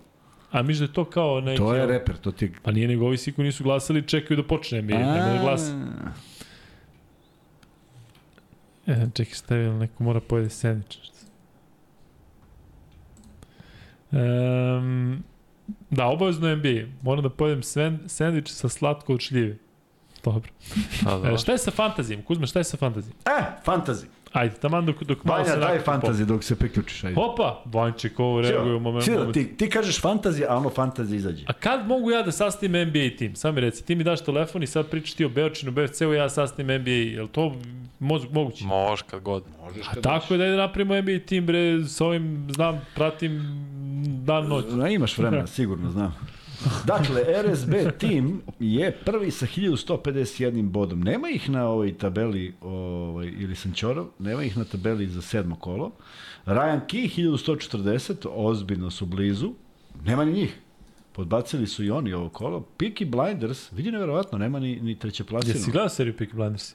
Ne, Ne znaš da postoji? mm, znam. Da. B Potok, tu je peti, ali ih nema. KK Popare, jel ima nekoga iz ovih? Neverovatno. Šta, nema nekog? Pa vidi, 10, 10 najboljih u ovom kolu nema iz prvih 10 u, u, u topu ligi. Pogledaj, neverovatno. Da. Baš interesantno. Mi smo tu odlični, 584. Dakle, Pa ja i dalje imam neke igrače koji su povređeni, evo šta da a radim. ne, ti imaš Kuriđu, Dobrića, Lazića Pa ovo je bre i Euroliga, trener, nemoj da trener zeliš. Vladi Pa ovo je Ivanović. Euroliga, imam Tavaresa, bre, on donosi najviše pojena. Tavares donosi 63 pojena, 100%. I daj nam ovaj NBA fantasy. U tu dobro stojimo uvek. Pa tu nas ni nema. Da, tu smo van konkurencije. Kilian, 2679 bodova kao prvi, pčelice su druge, a i osme u ovoj nedelji. Bubanj Niš prvi, a Kilian je drugi u ovoj nedelji, vidiš, nisam ga primetio. Bubanj Niš, nema ih ove nedelje. Četvrti rock and roll koji se nalazi na šestom mestu ove nedelje, Mondo Gecko, nema ga, šestoplasirani, kako si rekao se ovo zove? Žigu Bagule. Žigo Bugule, sedmi i deseti, Fear the Beard, trine, e, osmi i treći, KK Podina, deveta i nema je, i Zaječarsko, deseto i četvrto, dakle, 2679, pa vidi, mala je razlika među Pčelica i Kilijana, a tu preko 2500 još su još dve ekipe, vrlo interesantno. Žigu Bigule, kakvi su ljudi carevi. vrlo interesantno ovaj, takmičenje. Stane bugarski ili rumunski ciga ispred E, kamere i kaže Žigu se i onda tiče- se ovdje. Što se tiče Evo ga, kaže Old School dolazi u stoti podcast. Da se najavim, kaže. Ko dolazi? Old School. Da neće da bija ili? Nikola dolazi, nije, on je momak Ko, koji je- Johnny Jovanović? Ne, ne, ne, nije. O, ovaj, e, preziva se... Stao mi mozak, slab sam u tome. Ali Nikola se zove. Onda možda Jovanović. E, Vanček stavi i da vidimo koliko Pol kaže šta i kako.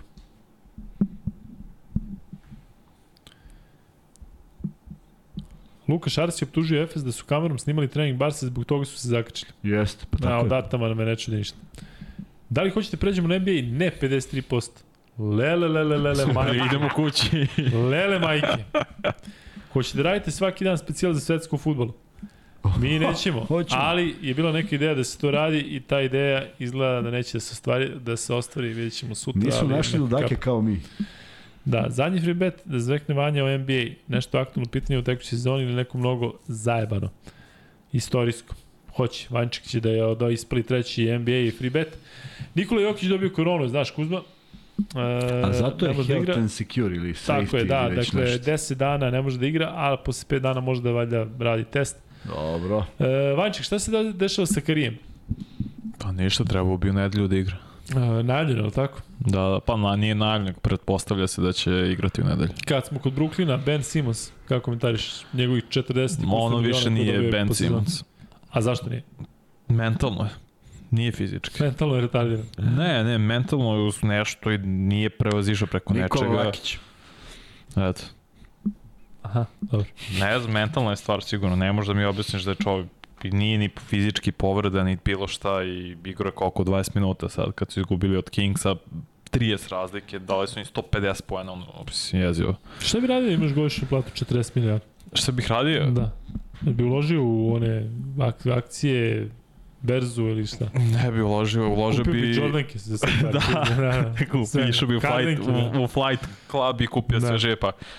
Pa radio bi na sebi, mislim, kad im već te pare i ono, da osiguran on i njegova porodica i dece i št, ko, koliko god kolena unapred ili šta god, ali ono, radio bi na sebi, nešto u njemu nije sl- slomljeno. Ne možda mi Ali objasniš on uopšte bio nekada, da ga nismo precenili Pa ranije, nije, čovjek bez bio je all-star igrač. Jeste eksplozivan, 18, super, 8, triple-double. 8, mislim. Ali čovjek nema šut. Ne Nema znam šut. kako može košarkaš da bude neko bez šuta. To je neka Sa u ovom, u današnjoj košarci ne može. Janis koliko god da nema šut, trudi se i popravlja i hoće da šutne. Simac više ni neće da šutne. Ne znam šta se desilo. Pre dve godine kad je stvarno igrao na visokom nivou i ne možeš da ga prođeš. Ono, ima koliko? Skoro 2-10 brz, agilan, eksplozivan, jak, čuva sve od 1 do 5, ne možeš da ga prođeš i do sada, ono, ne znam šta, stvarno, me, me, mislim da je mentalno, da nije prevazišao te neke stvari i ne znam da li će moći da se oporavi, mislim da nikad neće moći da igra na nivou kao što je bio taj All-Star igrač, iskreno. Ja, ja ti dalo da Durant pada? Da? Da Durant pada, da popušta? Ne, Ne. Meni da ne deluje- obeleži 30, nego mislim da više nije uključen u to kao što je nekad bio. Da će možda čak i biti trade u nekom periodu u sezoni. Jer je isprozivo i startno, mislim isprozivo, rekao je A, kako no, jeste, ono, vidite s kim igram, šta očekujete od mene, očekujemo tebe, ono, o, odličnu igru, očekujemo pobede, jer si jedan od najboljih igrača ikada. To se očekivalo od Lebrona. Šta da? To se očekivalo od Lebrona. Meni će na kraju kad povučem crtu i kada obojica završe karijeru Kevin Durant biti bolji igrač od LeBrona Jamesa. I Michael jo Jordan stalno, pod, pod, od, stalno to pominjem kada su ga pitali Ne mogu da mu priznam. LeBron je rekao Kevin Durant. Ne mogu se, ali priznamo Durantu, stvarno to. Pre svega zato što je izabrao lakši put da uzme titulu, to mu nikada. A dobro, ali uzeo je titulu. Stalno Otišao neko tim koji uzme imao titulu, 73 uzete. pobede. Pa dobro, da, da nije bilo njega i kad je otišao sledeće sezone. Nema veze i ovo osvojili su bez njega posle kad je otišao. Sad misliš? Pa, osvojili su i pre i posle njega. On nije, on je izašao iz druge runde. Za četiri godine, a ni ove godine izgleda neće ući u playoff kako su krenuli. Durant je jeste jedan najbolji košarkaša i najveštijih i sigurno je top 3, top 4, ali neće biti nikad veći igrač od Lebrona. Ovo. Lebron je od onaj mučeni Cleveland 2007. finale. 2018. isto, isto mučeni Cleveland. A Durant, evo, mislim, Ne znam, ali taj Brooklyn počinje da smrdi kao što smrde i Knicks i ti klubovi iz, iz velikih gradova. da, očito. A ovo što kažem ti, oni LA Clippersi, kad vidim da ne igra Kavaj 20 Ali igra je dobro, mislim, trudio se. Ne, i Paul George igra baš dobro, A, ne mogu da im zamerim. E, Ništa, ali veći raspad sistema u Golden State-u. Shai Gilgis Alexander, Kida. baš razvalja man. Kako je Oklahoma pelješila Clippers-e i, i, oko, i, i koga još, ali Jeste. Još nekog je opelješao, ne mogu da se I Houston, da, bravo, sve A fenomenalno. Pokuševski, kako ti se čini? Pratiš? Okej, mislim da ima sreću što ovaj ne igra. I mislim da ima sreću što je u Oklahomi da A, bi ovako očekuje mogli ništa. da se forsiraju takvi igrači, ali opet nije u prvom planu tamo. Dop, momak ima 20 godina. Marko Topalović kaže, Luka vređaš Nigzi, gasim emisiju. Hm. Marko, Niksi, Proseče. Znači, ja kad ih budem vređao, kad budem rekao šta mislim, gasit će se podcast, YouTube će gasiti podcast. Zato što ja navijam da to bude velika franšiza i da nešto uradi i ne mogu više da ih čekam. Ja, baš sam ulazio pre neki dan da vidim oko Thibodeau, kakav mu je ugovor, koliko traje, šta i kako, pratio igrače, sve. Vidim da Fournier ne igra uopšte. Um, ne, znam, ne, ne ulivaju mi nikako, ovaj, ništa mi ne ulivaju, tako da, da, da mislim da će biti još jedna razočaravajuća sezona. Tako sam prema Nixima zato što gotim klub. A da li ih ovaj gledaju, da li gleda Spike Lee dalje? Ili on digao ruke? A on nikad Gleda, neće gleda. digne rok. To su njegovi, kao što... E, Vanček, hoćemo da ispucamo uh, uh, Evo, treći pitaju za Golden State tamo, pa ćemo da ispucamo Ajde. i da... Pa i tamo je, nije loša situacija. Ali popravit će se. 100%. Kako? Izgubili su osam u gostima, nijednu nisu dobili. Ma da li Curry se tokom 50. sezone. Ispucali su se, prošle godine su osvojili titulu, pa je leto bilo, je vjerojatno su sebi malo dale odeška, pa su imali ovo pred početak sezone. Golden State će se podići, Lakers i Brooklyn se neće podići. Tako? Kako Neće, ne, već, veće su šanse da se podigne Golden State, ali na koji nivo da se podigne? Ne igraju odbranu. Ko? Golden State? Prima skoro 120 pojena po meču. 120 poena. I evo ti glavni razlog zašto. Clay Thompson je ostario, Draymond Green je ostario.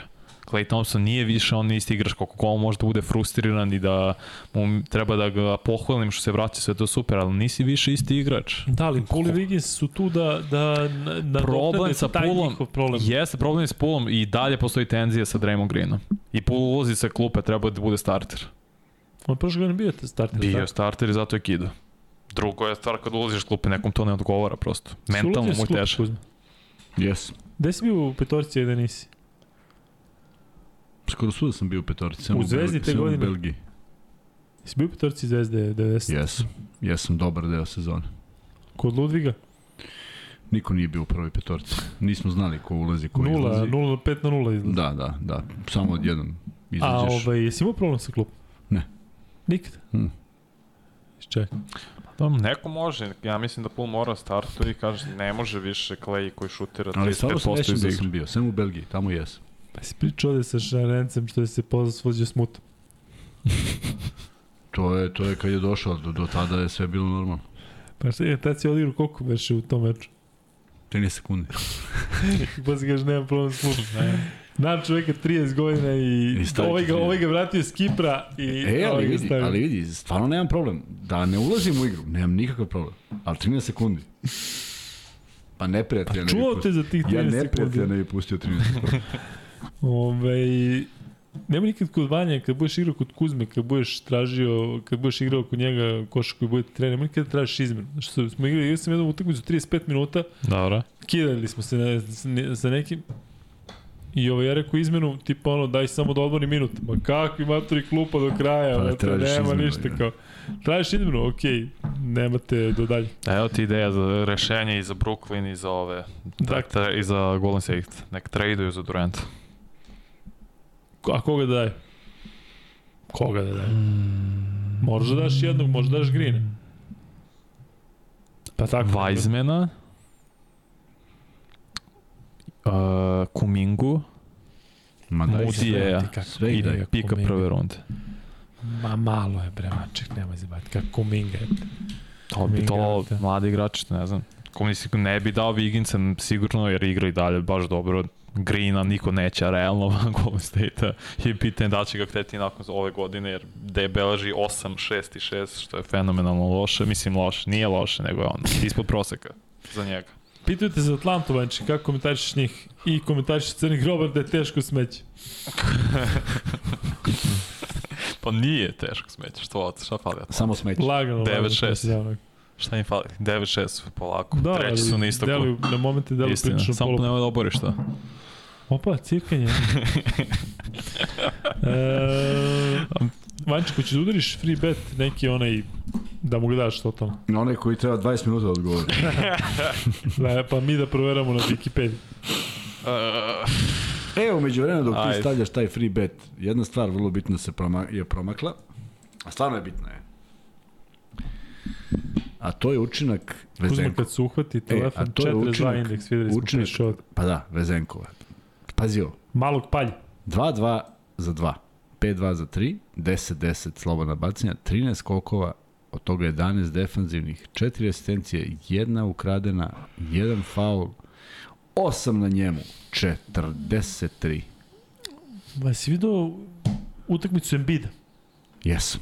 Ka, kako, si, ne, ozbiljno, si, nisi? Vanči koliko, 59?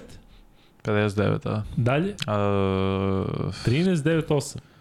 Ili 8, 7. 13, da, 9, jeste tako nešto iza. Kako partija? A zašto ne igra Harden, pa nema ko? 59 pojena, 13 skokova, 59 pojena. 8, 8 asistencija, 7 blokada. No, budal.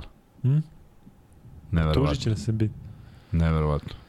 Um, Biće zanimljivo ako bude igrao za francusku reprezentaciju. Potpuno će to da napravi ovaj bum. A reci mi ovaj Kia MVP leather. Kako ti sviđa njihov raspored, ako uopšte Ne znam znaš? ko je sad na raspored, menjaju Ja, mislim da je, da, je, da je Luka i dalje. A? Pa mislim da je Jason Tatum isto tu negde.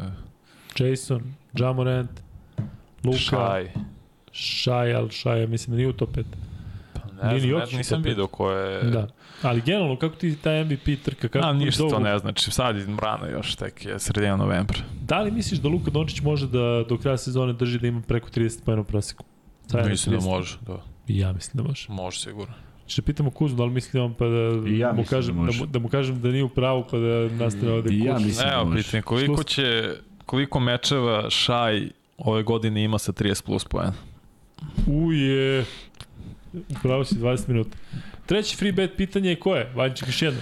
Koliko Shai ima mečeva, Shai Gilgis Alexander ove sezone da ima 30 plus poena? Prvo nek pogode njegovo ime da izgovara. Hajde prvi ti, možda pomoć. 9526, čoveč. Si lud. Si kako, šta gledaš tu? Ovde. Pa piši mi ovde. Napiši ti tu. Ma te piši. Ove, viš da je, ne veruješ našim ovim Verujem, još samo 474. Da. Znači, babe, dede, ako imaju naloge, djedovi, čukun djedovi, askurđeli, znači sve. Sandviče, sve. sandviče šaljamo. Tako je. Šaljemo ko Marko Topalović u majicu, znači sve šaljemo. Marko krenuo pošta, Marko, ali sporo ide. Nego korona, znaš ono kao vadimo sad na, na, na to. Nisi ponovno posle čuo. A si poslao onem drugim, ono, ono, Telesić dres i ono se. Jesam, jesam. Kuku, ali samo to Pa šta, to sam, to sam odno. Pa ne mogu do Bačke To si- Topole, čoveč. Ne do A, Bačke Topole, do Topole. Topalko iz Bačke Topole. Iz Topole, iz Topole. Ljudi, Ako je 1300 je u live-u. Ajde da pišemo odakle ste, a pokušat ćemo da pročitamo. Ajde. Luka Stefanov. Šta? Luka Stefanov je pogodio. E, Luka Stefanov, e, treći free bet. 10. Pišite odakle ste... Šta? Kažem 10 mečeva. Čitat ćemo u stotom Da. podcastu. Da. Ovaj, dakle, znate, vi koji ste novi, dakle, napišite odakle ste i ja ću da pokušam da pročitam barem nekoliko desetina sekundi da vidimo ko može. Znači, pišite e, odakle Opele Topola, Marko Topalović, evo ti. O, Topola znam, o, za njega znam. Pa si rekao Bačka Topola. Ne, ne, ispravio sam se. A. Dakle, ljudi, hoćemo da čujemo, da vidimo odakle ste, odakle pišete, odakle gledate, da vidimo što više vas koji ste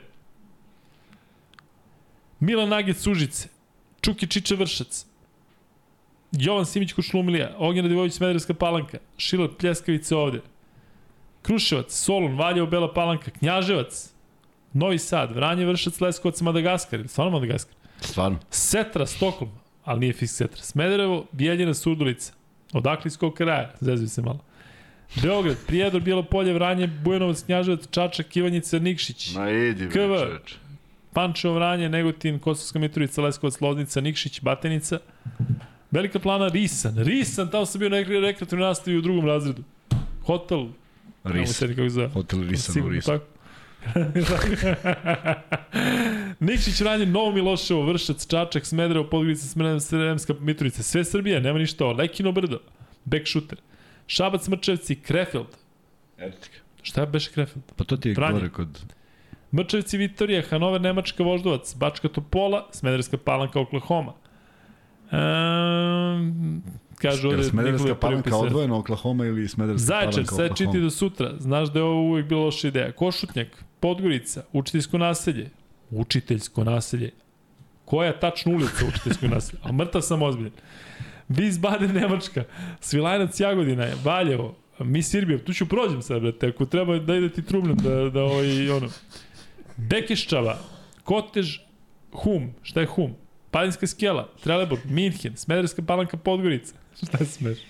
E, možda sam kažem da Nikola nisi bio prvi sa 3A, Stefa, Luka je bukvalno iznad tebe, tačno. na- Tačno sliko sam ono kao dokaz. chatu. Podgorica, Zemun, Nova Pazova, Nikola iz Nove Pazove, Džonila, Miroslav Gagić, Las Vegas, komšo, Opa, živio.